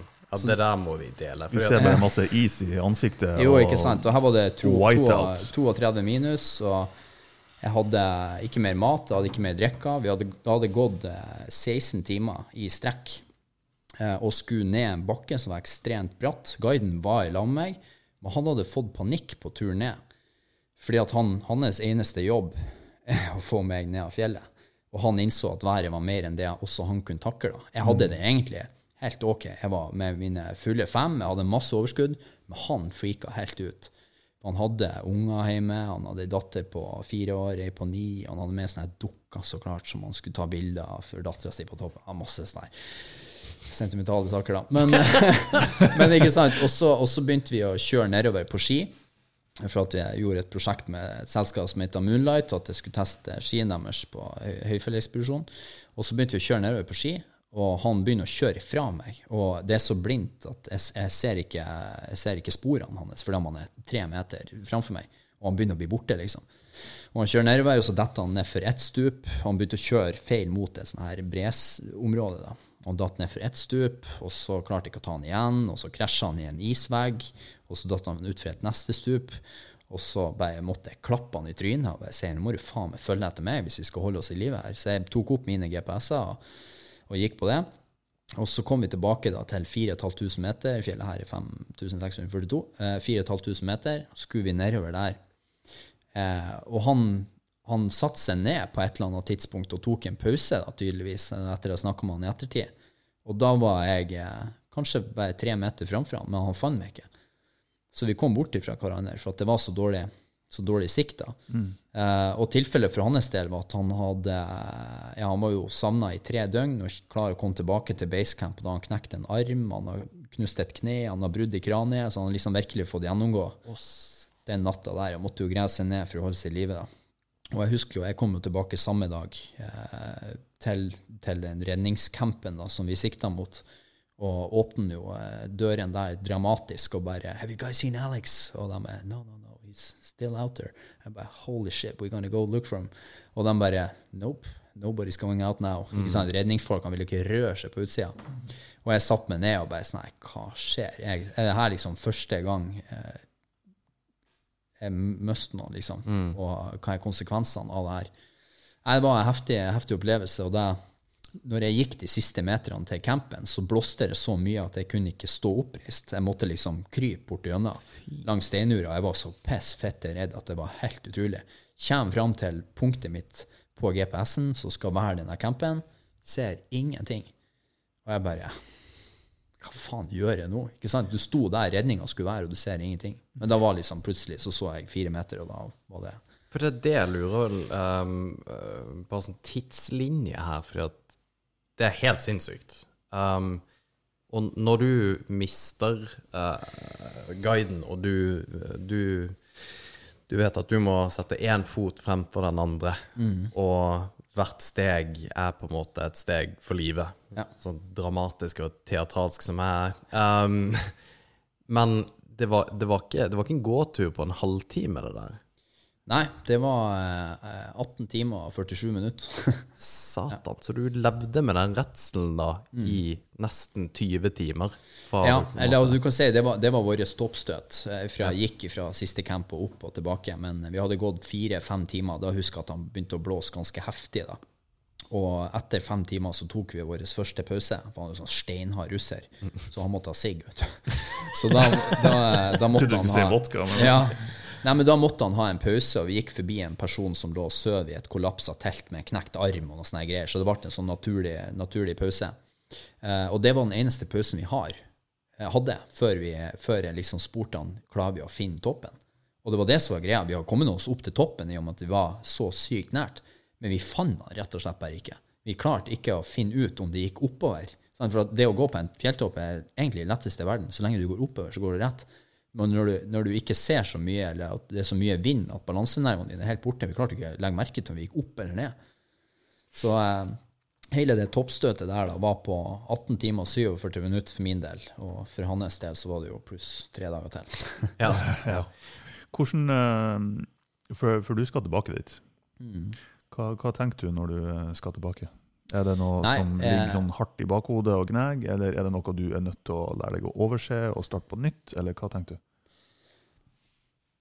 Det er, et, det er et veldig vanskelig fjell, da, for det er ekstremt mye vær der. Og det var det vi opplevde. da. Vi gikk, eh, vi, vi starta ikke ut mot det vi trodde skulle komme til å bli en storm. ikke sant? Det skulle bli ganske mildt, men så bare er værmeldinga feil, rett og slett. Så det jeg kommer til å gjøre når jeg drar tilbake nå, det er å ta hele fjellet på én dag. Eh, hvor jeg vet at jeg står opp til sol, og jeg kommer til toppen på sol, og så skal jeg fly ned fort som faen fra den toppen der, med pulken og saksen på ryggen, og bare komme ned og få meg en eh, shot, og så vet jeg at det er det er gjort. Så jeg, skal jeg har funnet, funnet en ny guide, så klart, for at han, han gjorde en del feilgrep oppi der som, som for det første han ikke har lyst til å innrømme, fordi at det er russisk kultur. Han skal ikke innrømme feil. Eh, men jeg har jo alt på film, så det blir jo uheldig for han. Men, eh, men eh, i tillegg til at jeg har funnet en kar som er sprekere, da, så vi kan liksom dose opp eh, alle høydemeterne på en dag. Det blir jo en lang, lang dag, men eh, jeg anser iallfall det som mye mer trygt enn å skulle, eh, skulle fortsette på samme kjøret. Når du har det der altså du, du forteller en rimelig hissig historie. Det er, jo, det er jo noe du må også bearbeide i etterkant, selvfølgelig, i forhold til at du følte at du, du daua nesten. Eh, du tenkte på din mor, og du tenkte på familie og hele pakka. Og så kommer du hjem, og så uh, første du treffer på, er på en måte Jeg er så sliten. Jeg Ja, det var, mye». det var ikke den. Nei, nei, nei, jeg, skjønner det. Det var ikke den gangen. Men da jeg klappa til. Men det er litt sånn det, Fordi at allikevel så er liksom eh, det du opplever som monumentalt, det er så ekstremt stort og vanvittig. Og så lander man litt på jorda her hvor man på en måte skal backtracke og tenke gjennom alt og, og bearbeide det som har skjedd da. For det, er ikke, det er ikke bare bare. Altså du, det er ganske voldsomt det du, det du uh, opplever da. Og så skal du fortsatt holde opp giret hele veien. det, det, det er det som er utfordringa, sånn som sånn som fjoråret, da, og ikke minst året før. Hvor, hvor det, har vært, eh, det har vært seks ekspedisjoner da, på to år. ikke sant? Og det er ganske mye. Eh, økonomisk er det ekstremt stor påkjenning, men så er det mye tempo. Eh, og så er det rett og slett det at du kommer tilbake. Du forventer at folk tar hensyn til at du har slitt deg totalt ut. For det er noe med Ja, du kan, du kan springe et maraton, ikke sant? og det, det er for så vidt tungt, det òg. Eh, og du kan gjøre Norseman for den saks skyld kjempetungt. ikke sant? Det er én dag med ekstremt mye aktivitet som, er, som, som tapper batteriet ditt litt. Men når du gjør det her over lang, lang tid, hver eneste dag altså sant, Du går hver eneste dag i 14, 15 og 16 timer, og du får ikke i deg nok næring for at det er umulig å drikke så mye solsikkeolje. Så, og, og liksom alt det der drikker ikke solsikkeolje på, på Men det var det jeg kom på, så veldig høyt eh, kaloriinnhold per 100. Men, eh, men ikke sant, du, du, du tømmer sånn her kjernebatteri som tar lang tid å fylle opp. Eh, og når du ikke får avstand fra folk rundt deg, og på en måte blir akseptert for det, så går du i sånn mental boble. Og eh, vi blir kjempesure når jeg kommer hjem fra ekspedisjon, for at man forventer at alle bare lander opp ting for deg. Og sånn. Og det handler ikke om at man er cocky på seg sjøl, eller noe sånt her. Handler, det, det bare blir sånn, rett og slett. Fordi at man er så ekstremt sliten. Man har en forventning til at de egentlig har vært med deg på turen og sett hvor mye du har slitt, at da må de kunne ha landa opp litt for deg. Og det er jo eh, sikkert en helt feil innstilling, men sånn blir det. Jeg tror veldig, Vi snakka mye om det etter Everest, altså vi som var der. Jeg sto og holdt et foredrag dagen etter jeg landa i Norge, og så jobba jeg konsekvent i en måned frem for å prøve å dekke noe av de utgiftene der. Og jeg var så sliten, og jeg kom til sommeren og skulle ha sommerferie, så var jo, jeg var jo deprimert. Jeg var helt i kjelleren og ville ikke se folk. Jeg ville sitte hjemme og drikke rødvin helt for meg sjøl og bare tenke. så det, det, det er en ekstremt stor eh, del av det å dra på ekspedisjon. Det er en påkjenning som du får i, i ettertid, som tar lang tid å bearbeide. Er det noe du angrer på i løpet av den uh, Du starta jo tidlig med eventyr, men uh, er det noe som du skulle ønske du kunne gjort annerledes nå når du tenker tilbake på alle de her ekspedisjonene og uh, alle de gærne tingene du, har gjort? Det, er faktisk eh, Jeg er en, en, en eh, Det er ingenting jeg angrer på.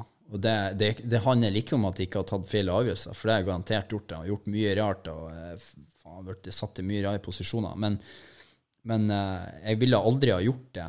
Altså, jeg, jeg ble svindla med et musikkstudio her på Mo. Har ikke det skjedd, så har jeg aldri vært på Everest. Så jeg vet at de, de, de minst relaterte tilfeldighetene har ingenting med seg sjøl å gjøre. Eh, og jeg ville ikke ha endra på noen verdens ting ut ifra det jeg er her nå. Og det handler litt om en sånn innstilling med, med åssen jeg er overfor eh, for det å gjøre nye ting. da. Sant? Hvis folk spør om jeg skal være med og kjøre Formel 1 eller et eller annet, hopp rett ut i det med en gang, for at det vet liksom aldri hvor mulighetene kan skapes, og du kan se linker. Og jeg vet jo bare det at med den mangfoldige bakgrunnen som jeg har med alt det jeg driver på med, jeg ser nok noen sånn relasjoner mellom punkter som de fleste ikke gjør, og jeg ser jo på det som en enorm styrke. Og jeg ville aldri ha vært det foruten, altså. Men du ser jo ikke muligheter egentlig i hva som helst, for det er jo i stor grad ekstreme ting du gjør. Det er jo der du ser mulighetene. Ja, jeg skal innrømme det. Men det har liksom blitt mitt, eh, mitt segment. da. Ja. Og det handler ikke om at det må være ekstremt for å ha lyst til å gjøre det, men jeg har lyst til å kjenne et kick når jeg gjør ting. da. Tror du at du er, er, du skapt litt annerledes enn eh, andre? Nei, jeg tror ikke det. Nei. Men jeg Hva er tror du det kommer av? da? Altså- Miljø, eller Ja, det, det er miljøet, tror jeg. Eh, fordi at eh, man må huske på at jeg var en eh, liten, eh, tjukk gutt i skolekorps for lenge siden. Og det er nok ikke han man skulle ha sett først seg kom på, eh, på Everest. Men det skjer ting underveis, og det er mye sånn her kjærlighetssorg som har vært opp gjennom tida. Jeg skulle aldri ha vært det foruten. Det har også engasjert en sånn her power i meg. Nå skal jeg faen meg vise hva av der, hva vi gikk glipp av. og sånn her, mye sånn vridd, mye dårlige situasjoner til å bli mye bra. Så det er mye sånn tilfeldigheter som har gjort, og så har jeg hatt rette folk rundt meg som Altså, jeg hadde en mor og en far som aldri har sagt liksom, du, nå er det nok. Nå må, nå må du slutte. For Hvis morsan, morsan sier noe sant, så er det lov. Eh, Altså det, det, det er loven. Sånn er det. Men nå har liksom aldri sagt Håkon, du skal ikke på Everest. Må du faen meg innse det Sett deg ned og hold kjeft. Aldri hørt den der. Og det er bare for at jeg har sikkert fått en tillit hos dem at ok, greit, han gjør mye rart, men han gjør det så sikkert som det er overhodet mulig å gjøre. Jeg er flink å snakke med dem og si at ok, men det er greit å hoppe i wingsuit, fordi det er veldig mye sikkerhet rundt det. Eh, og da har jeg fått aksept, for at jeg kan gjøre det jeg vil. Og det er nok det som Har du kjørt wingsuit i tillegg? Nei, altså, det, jeg driver og hopper opp til wingsuit nå. Jeg gjør det for at jeg, Selvfølgelig gjør du det. jeg fikk en Ja, men jeg har også en annen visjon. Jeg må hoppe i wingsuit fra Rødøyløva. Jeg så Jokke Sommer gjøre det. Jeg bare fy faen, det der er meg en dag. Og så var jeg ute på Værøy utafor Lofoten og spilte en konsert. Og så ble vi nå sittende og så snakke om at jeg kjørte en annen sånn type vinge. Og så var han festivalsjefen. Han har fått feilsendt en wingsuit fra Tyskland oppover dit. Og så var det ikke returadresse på han. Og han bare sånn Skal du ha den wingsuiten? Jeg bare Ja, det skal jeg ha. Og så passa den 100% perfekt. Og så for jeg en måned etterpå og tok fallskjermlappen, og nå er vi liksom Nå er vi i gang. Og, jeg- ja, sånn, og den tilfeldigheten der ja, gjorde at jeg begynner å spille på andre muligheter. Så nå driver jeg og finner ut om det er mulig å spille konsert i fritt fall. Prøve å kjøre, kjøre den saken der. Ikke fordi at Jeg vet ikke hvorfor jeg gjør det, men det, det er jo mest sannsynlig bare for at jeg kan gjøre det. Og det skjer jo bare at jeg tør å hoppe ut i det. Sprekker jo sikkert en dag av å bli truffet i trafikken. og sånn. Det er jo det som Ja, men det er jo det farligste. Det er, Helt enig. Ja, ja, det er faen meg sant. Fordi at det, bare for piggyback på det Det der wingsuit-historien er det sjukeste jeg har hørt. Altså. Bare, nei, jeg har fått Ja. det. Fått, Men fått tror hvor kul video det blir når jeg da står oppe på Rødøløva, så kan jeg trace back en sånn Ja, ja, vlogg. Bare sånn You know what happened two years ago? Mm. Check this out. Så står jeg på et sånn random nachspiel på dukkehuset på Værøy, hva det heter, og spiller For du har filma det? Hæ? Du har Nei, jeg, filmet- jeg, ja, jeg, vet, jeg husker ikke hva jeg filma. Det er sånn mørke Men i, i forhold til at du eh, skal gjøre mye rart, for at du, du sa det i stad at du skulle ut i rommet. Du skal ha outer space. Eh, Det er reelt. Altså, det skjer ting underveis, og, og mange, jeg vet ma- mange ser på meg som en, som en joker, liksom, og liksom, ja, men når tid skal du slå deg ned? Fy faen, hvor mange ganger jeg har hørt det der. Når tid skal du liksom sell down? Og eh, det har jeg absolutt en plan om å gjøre. Men det blir nok ikke for å, for å, for å eh, slå meg ned bare for å gjøre det. Men jeg, eh, jeg møtt mye, man møter ufattelig mye folk på reisene, og det er en stor motivasjon med det der, reise rundt. Og, og noe det siste som har skjedd nå, er det blitt tatt opp i noe som heter The Explorers Club, som er et internasjonalt sånn, lukka nettverk med, med de fremste eventyrerne i verden. da. Eh, og for å komme inn der, så må du drive på med forskning.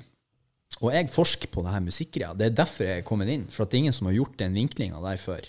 Og det her er liksom det, Tor Heyerdahl var der, Fridtjof Nansen, Roald Amundsen var en del av den klubben back in the days. Og så kom Buzz Aldrin, altså førstemann til månen, og Apollo 13 og liksom alt det der. Samme, De her folkene er der. Og jeg har fått lov å møtt faktisk de første som skal til Mars.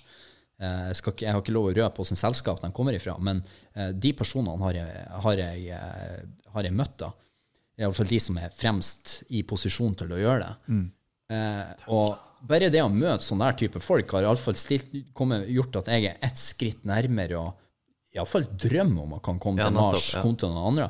Eh, Nei, til Mars, altså være ute i verdensrommet. Men jeg tenker jo det Tror å, tror spille en livekonsert sånn som nå, ikke sant den plattformen som blir etablert for kunstnere nå gjennom koronatiden, tror jeg bare flytter den opp i verdensrommet når alt er over, som en sånn positiv event hvor man sitter og live improviserer ut, ned på kloden. Jesus Christ! Altså, ja, men sånn, sånn her sitter jeg og gir meg sjøl opp, Ja. og så Har du hørt om uh, det her Dear Moon-prosjektet? At du kalte han? Dear Moon. Nei. Det er Elon Musk og SpaceX uh, som utvikler uh, Starship. Som, uh, det er den nye, nye raketten til SpaceX. da. Og um, der var det en Om han er fra Japan, jeg husker ikke. Men eh, det var i hvert fall en eh, milliardær eh, som kjøpte Jeg vet ikke hvor mange plasser det var på den Starship, eh, men eh, han kjøpte alle mm, setene da, Ja. eh, på raketten og dedikerte dem til kunstnere. Fotografer, poeter, filosofer Nei, filosofer. filosofer, musikere eh, osv. Og så, det, det du egentlig beskrev nå, var egentlig det prosjektet. da. Så jeg vil jo anbefale å kanskje Ja, det her skal jeg finne ut Elon med Musk. én gang. hit me up, liksom. Jo. Ja, Ja, ok, men du kan flire av det. Men det er sånn her mine ideer starter. Vi flirer ikke av det. Nei. Nei, Det, nei, er nei, bare, det er bare litt uh, absurd for oss, da. Ja, fordi, ja, ta, ja, ta det at jeg ler. Jeg ler ikke av det at du kommer til å gjøre det. Jeg ler bare av at vi, vi sitter her. Det er litt sånn som du sier tilfeldighetene. At eh, Jo, men du det- på en måte er sier det ja, og så, og så sitter du og prater med to gutter på en podkast som du ikke kjente for uh, en, time siden. Pimper jeg nå. Jeg tar helt av. Ja, hva, hva er det som skjer med deg nå? Nei, altså nå får jeg uendelig med kraft. Ja. Og kan sette meg ned og jobbe 100 timer med å finne ut hvem han her er. Så bestiller jeg en bil som jeg kan lage en reklameversjon av, og kjøre en Arctic Truck på tvers av Russland for å komme til Japan snarest. Stille opp på døra hans og si hei, nå skal du høre. Jeg skal òg til verdensrommet. Ja, for nå ble det plutselig bitte litt mer reelt. Bitte litt. Bitte litt. Ja. Altså nå, her er jo greia. Jeg begynner å se linker med en gang. Så de som, de som eh, driver på med det selskapet skal til Mars, de er jo på fornavn med Elon, ikke sant? Sånn de kaller han. De, og da blir jeg, jeg blir jo sykt starstruck av at de er på fornavn med han. Men, men eh, jeg digger han.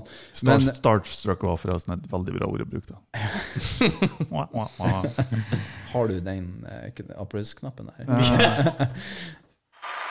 yes, veldig bra. Nei, men ikke sant, Man begynner å se linker, da, og det er jo, det er jo eh, Når du klarer å dra en kraft ut av at man ser sånne her type ting eh, som reelt, da, da blir man jo ekstremt motivert. Og det kommer jo ikke eh, av at man eh, Altså Det kommer av at man har et referansepunkt at alt er mulig, men du må også ha en strategi til hvordan du når umulige mål. da. Og så For min del så er jo det her altså høyst reelt og klart, klart å gjennomføre. Eh, men det er klart, har jo vært hemma av den lille tankegangen at jeg er bare fra Mo i Rana, og jeg spiller nå bare litt saksofon. Jeg har jo faen ikke kommet meg utafor Jeg har ikke kommet til Båsmann engang, for jeg har ja, sjølsikker. Nei, for Vi diskuterte jo det rett før vi gikk på, at eh, som tilflytter så syns jeg det er jævlig interessant med Rana. Og jeg mener jo også at man kan backe opp at Rana er, eller Rana Helgeland eh, i stort er en opplevelsesdestinasjon på verdenstoppen. Um, og det, det mener jeg at vi, vi kan jo egentlig slå Tromsø som en opplevelsesdestinasjon. For jeg har jo sett kåringene, og grunnen til at, kåring, eller at, grunnen til at Tromsø fikk eh, i et eller annet sånt Lonely Planet eller noe forhold til å være opplevelsesdestinasjon, var at du kunne mate reinsdyr og eh, nordlys. Vi har ganske mye mer, på en måte. Det har jo Tromsø, selvfølgelig. Men det er bare at vi har så sjukt, sjukt mye å oppleve her i, i Helgeland som Og det ligger litt sånn uforløst potensial her. Og det er jo folk som deg som begynner å svette av å høre en idé, som må, må drive dette her frem. Altså, vi, vi, man kan ikke miste ildsjeler som deg fra byen her. Eller fra regionen. Nei, jeg er helt enig. Og, eh, altså, snakk ikke om mitt tilfelle. Eh, snakk, om, snakk om folk som jeg vet finnes her, som er ekstremt kreative, som er slagkraftige, som er kanskje faktisk store internasjonalt, men folk har ikke hørt om dem. ikke sant? For at man, man, man ser fortsatt bare på naboen sin som nabogutten. Men man må forstå at, at Elon Musk er også nabogutten til noen. sant? Man kan ikke se hemning på akkurat det. Man må rett og slett bare tørre å backe folk opp. opp at man, man konkurrerer ikke mot resten av Rana. Man konkurrerer mot resten av verden hele tida. Det, det er Hvis du ikke klarer å se det konkurranseforholdet der, så blir du en sånn lokal innegrodd jævel. Og det er nok mest sannsynlig det som har skjedd litt for lenge her. At det er liksom ikke akseptert å tenke internasjonalt, for da er du han der som har så høye mål. Da, da er det plutselig han som stikker seg ut, og, Ja. og da, som vi snakket om i stad, janteloven kan fort eh, slå inn der. Altså, Da det, får du kjeppen over nesa, og så tør du ikke å gjøre ting på nytt igjen. Og det, det har skjedd en par ting her i byen som gjør at jeg, jeg, jeg blir dritforbanna. Det er folk på fe, i feile posisjoner som har, som har stoppa ideene til folk. Fordi at de har ikke trua på dem. Ikke sant? Og, og tro hvor mange ideer vi ikke har fått lov å se komme ut av Helgeland ennå, fordi at det har sittet en eller annen sur jævel med en sleiv kommentar eh, en eller annen gang. Og det er det jeg syns er så kjipt, for at det, det er de ideene vi går glipp av, som kanskje kunne ha blitt de aller største. Og jeg jeg, For min, min del, altså kritikk som er negativt og ment, og nettrolling og alt det der, det går rett forbi meg. Jeg har ikke, gidder ikke å bruke energi på det. For at jeg har gjort det før, blir kjempesåra av det. Når det kommer sånne sleive kommentarer og alt det her. Men det vil komme hele tida. Det handler ikke om at folk har lyst til å være slemme. De bare rett og slett er så dumme at de klarer ikke å tilegne seg nok informasjon. Eh, og når det blir en sånn negativ sak, så sliter vi litt. da, Hvis at du plutselig kan uttale deg og være ekspert innenfor et felt uten å ha noe særlig Det har vi jo sett mange tilfeller på her nå, men uten at du faktisk har noen kompetanse på det, så blir man for lokal for at man kan lykkes som et samfunn da, internasjonalt. Og der er vi nok dessverre nå. Det er, det er gjeng med Altså Det er etablert holdning her at tenker du internasjonalt, så må du, så må du jekke det ned. Kom deg ned på bakken igjen. Men jeg tror nok noen gang Ronaldo hørte at man må komme litt ned på bakken.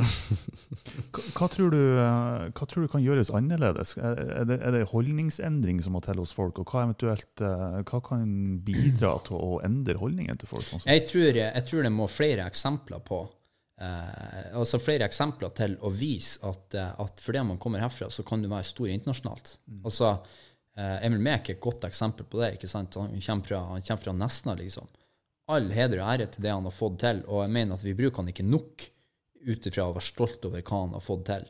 Og eh, hvis, altså som jeg sier, jeg ville anbefalt meg sjøl eh, å aldri gjøre det her hvis jeg, hvis jeg skulle ha spurt meg sjøl på nytt igjen. Men, men eh, jeg har nå de merittene som jeg har, og at det at det ikke er brukt mer aggressivt for, å, for å rett og slett vinne noe her oppe, det, det syns jeg også er kjipt. da, For har det vært eh, bestekompisen min som skulle ha gjort det her, og han har fått de merittene som jeg har fått, da faen laga, altså båret han frem så mye som overhodet mulig.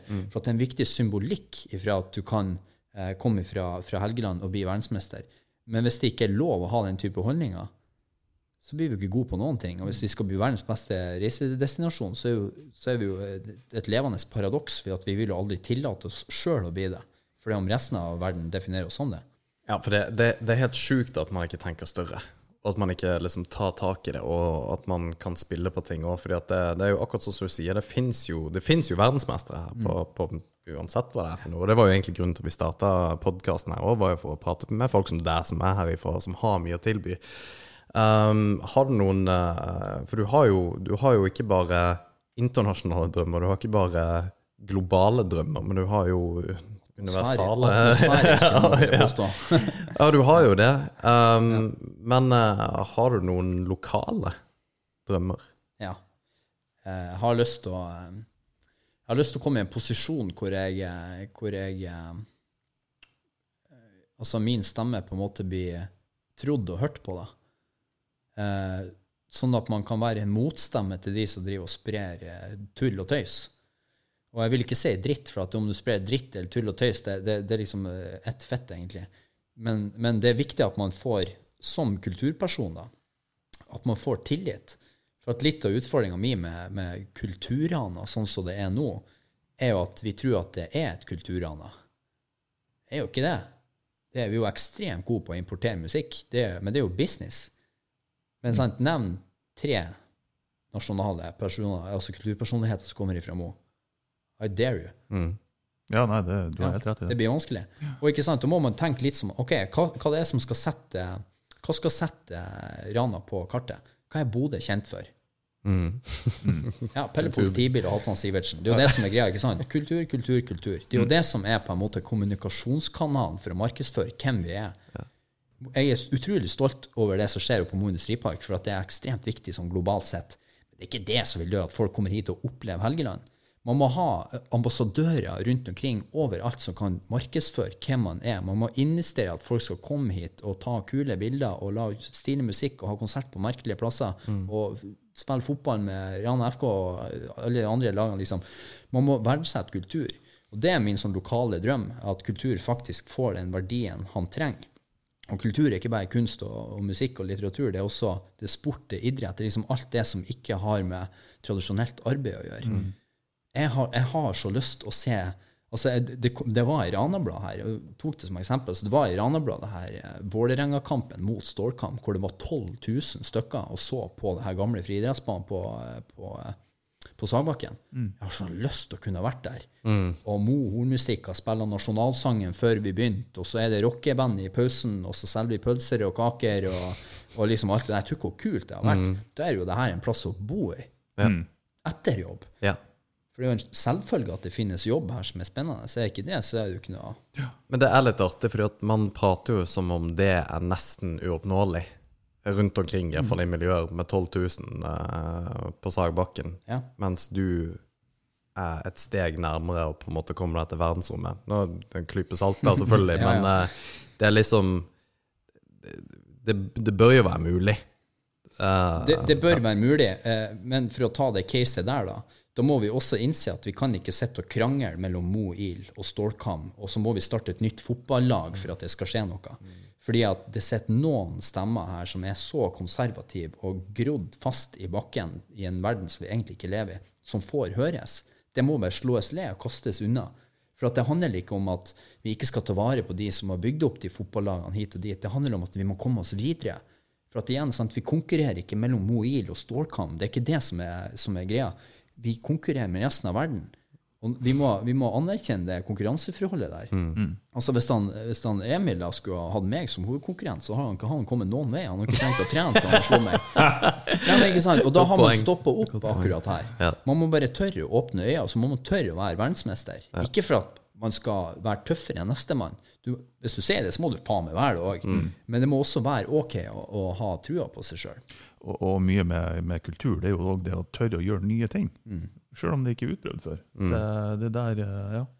Der skjer det mye, og vi har jo sant, den regionen som vi har her da med altså, Og det her liksom uten å overdrive en av de fineste naturscenene som finnes i hele verden.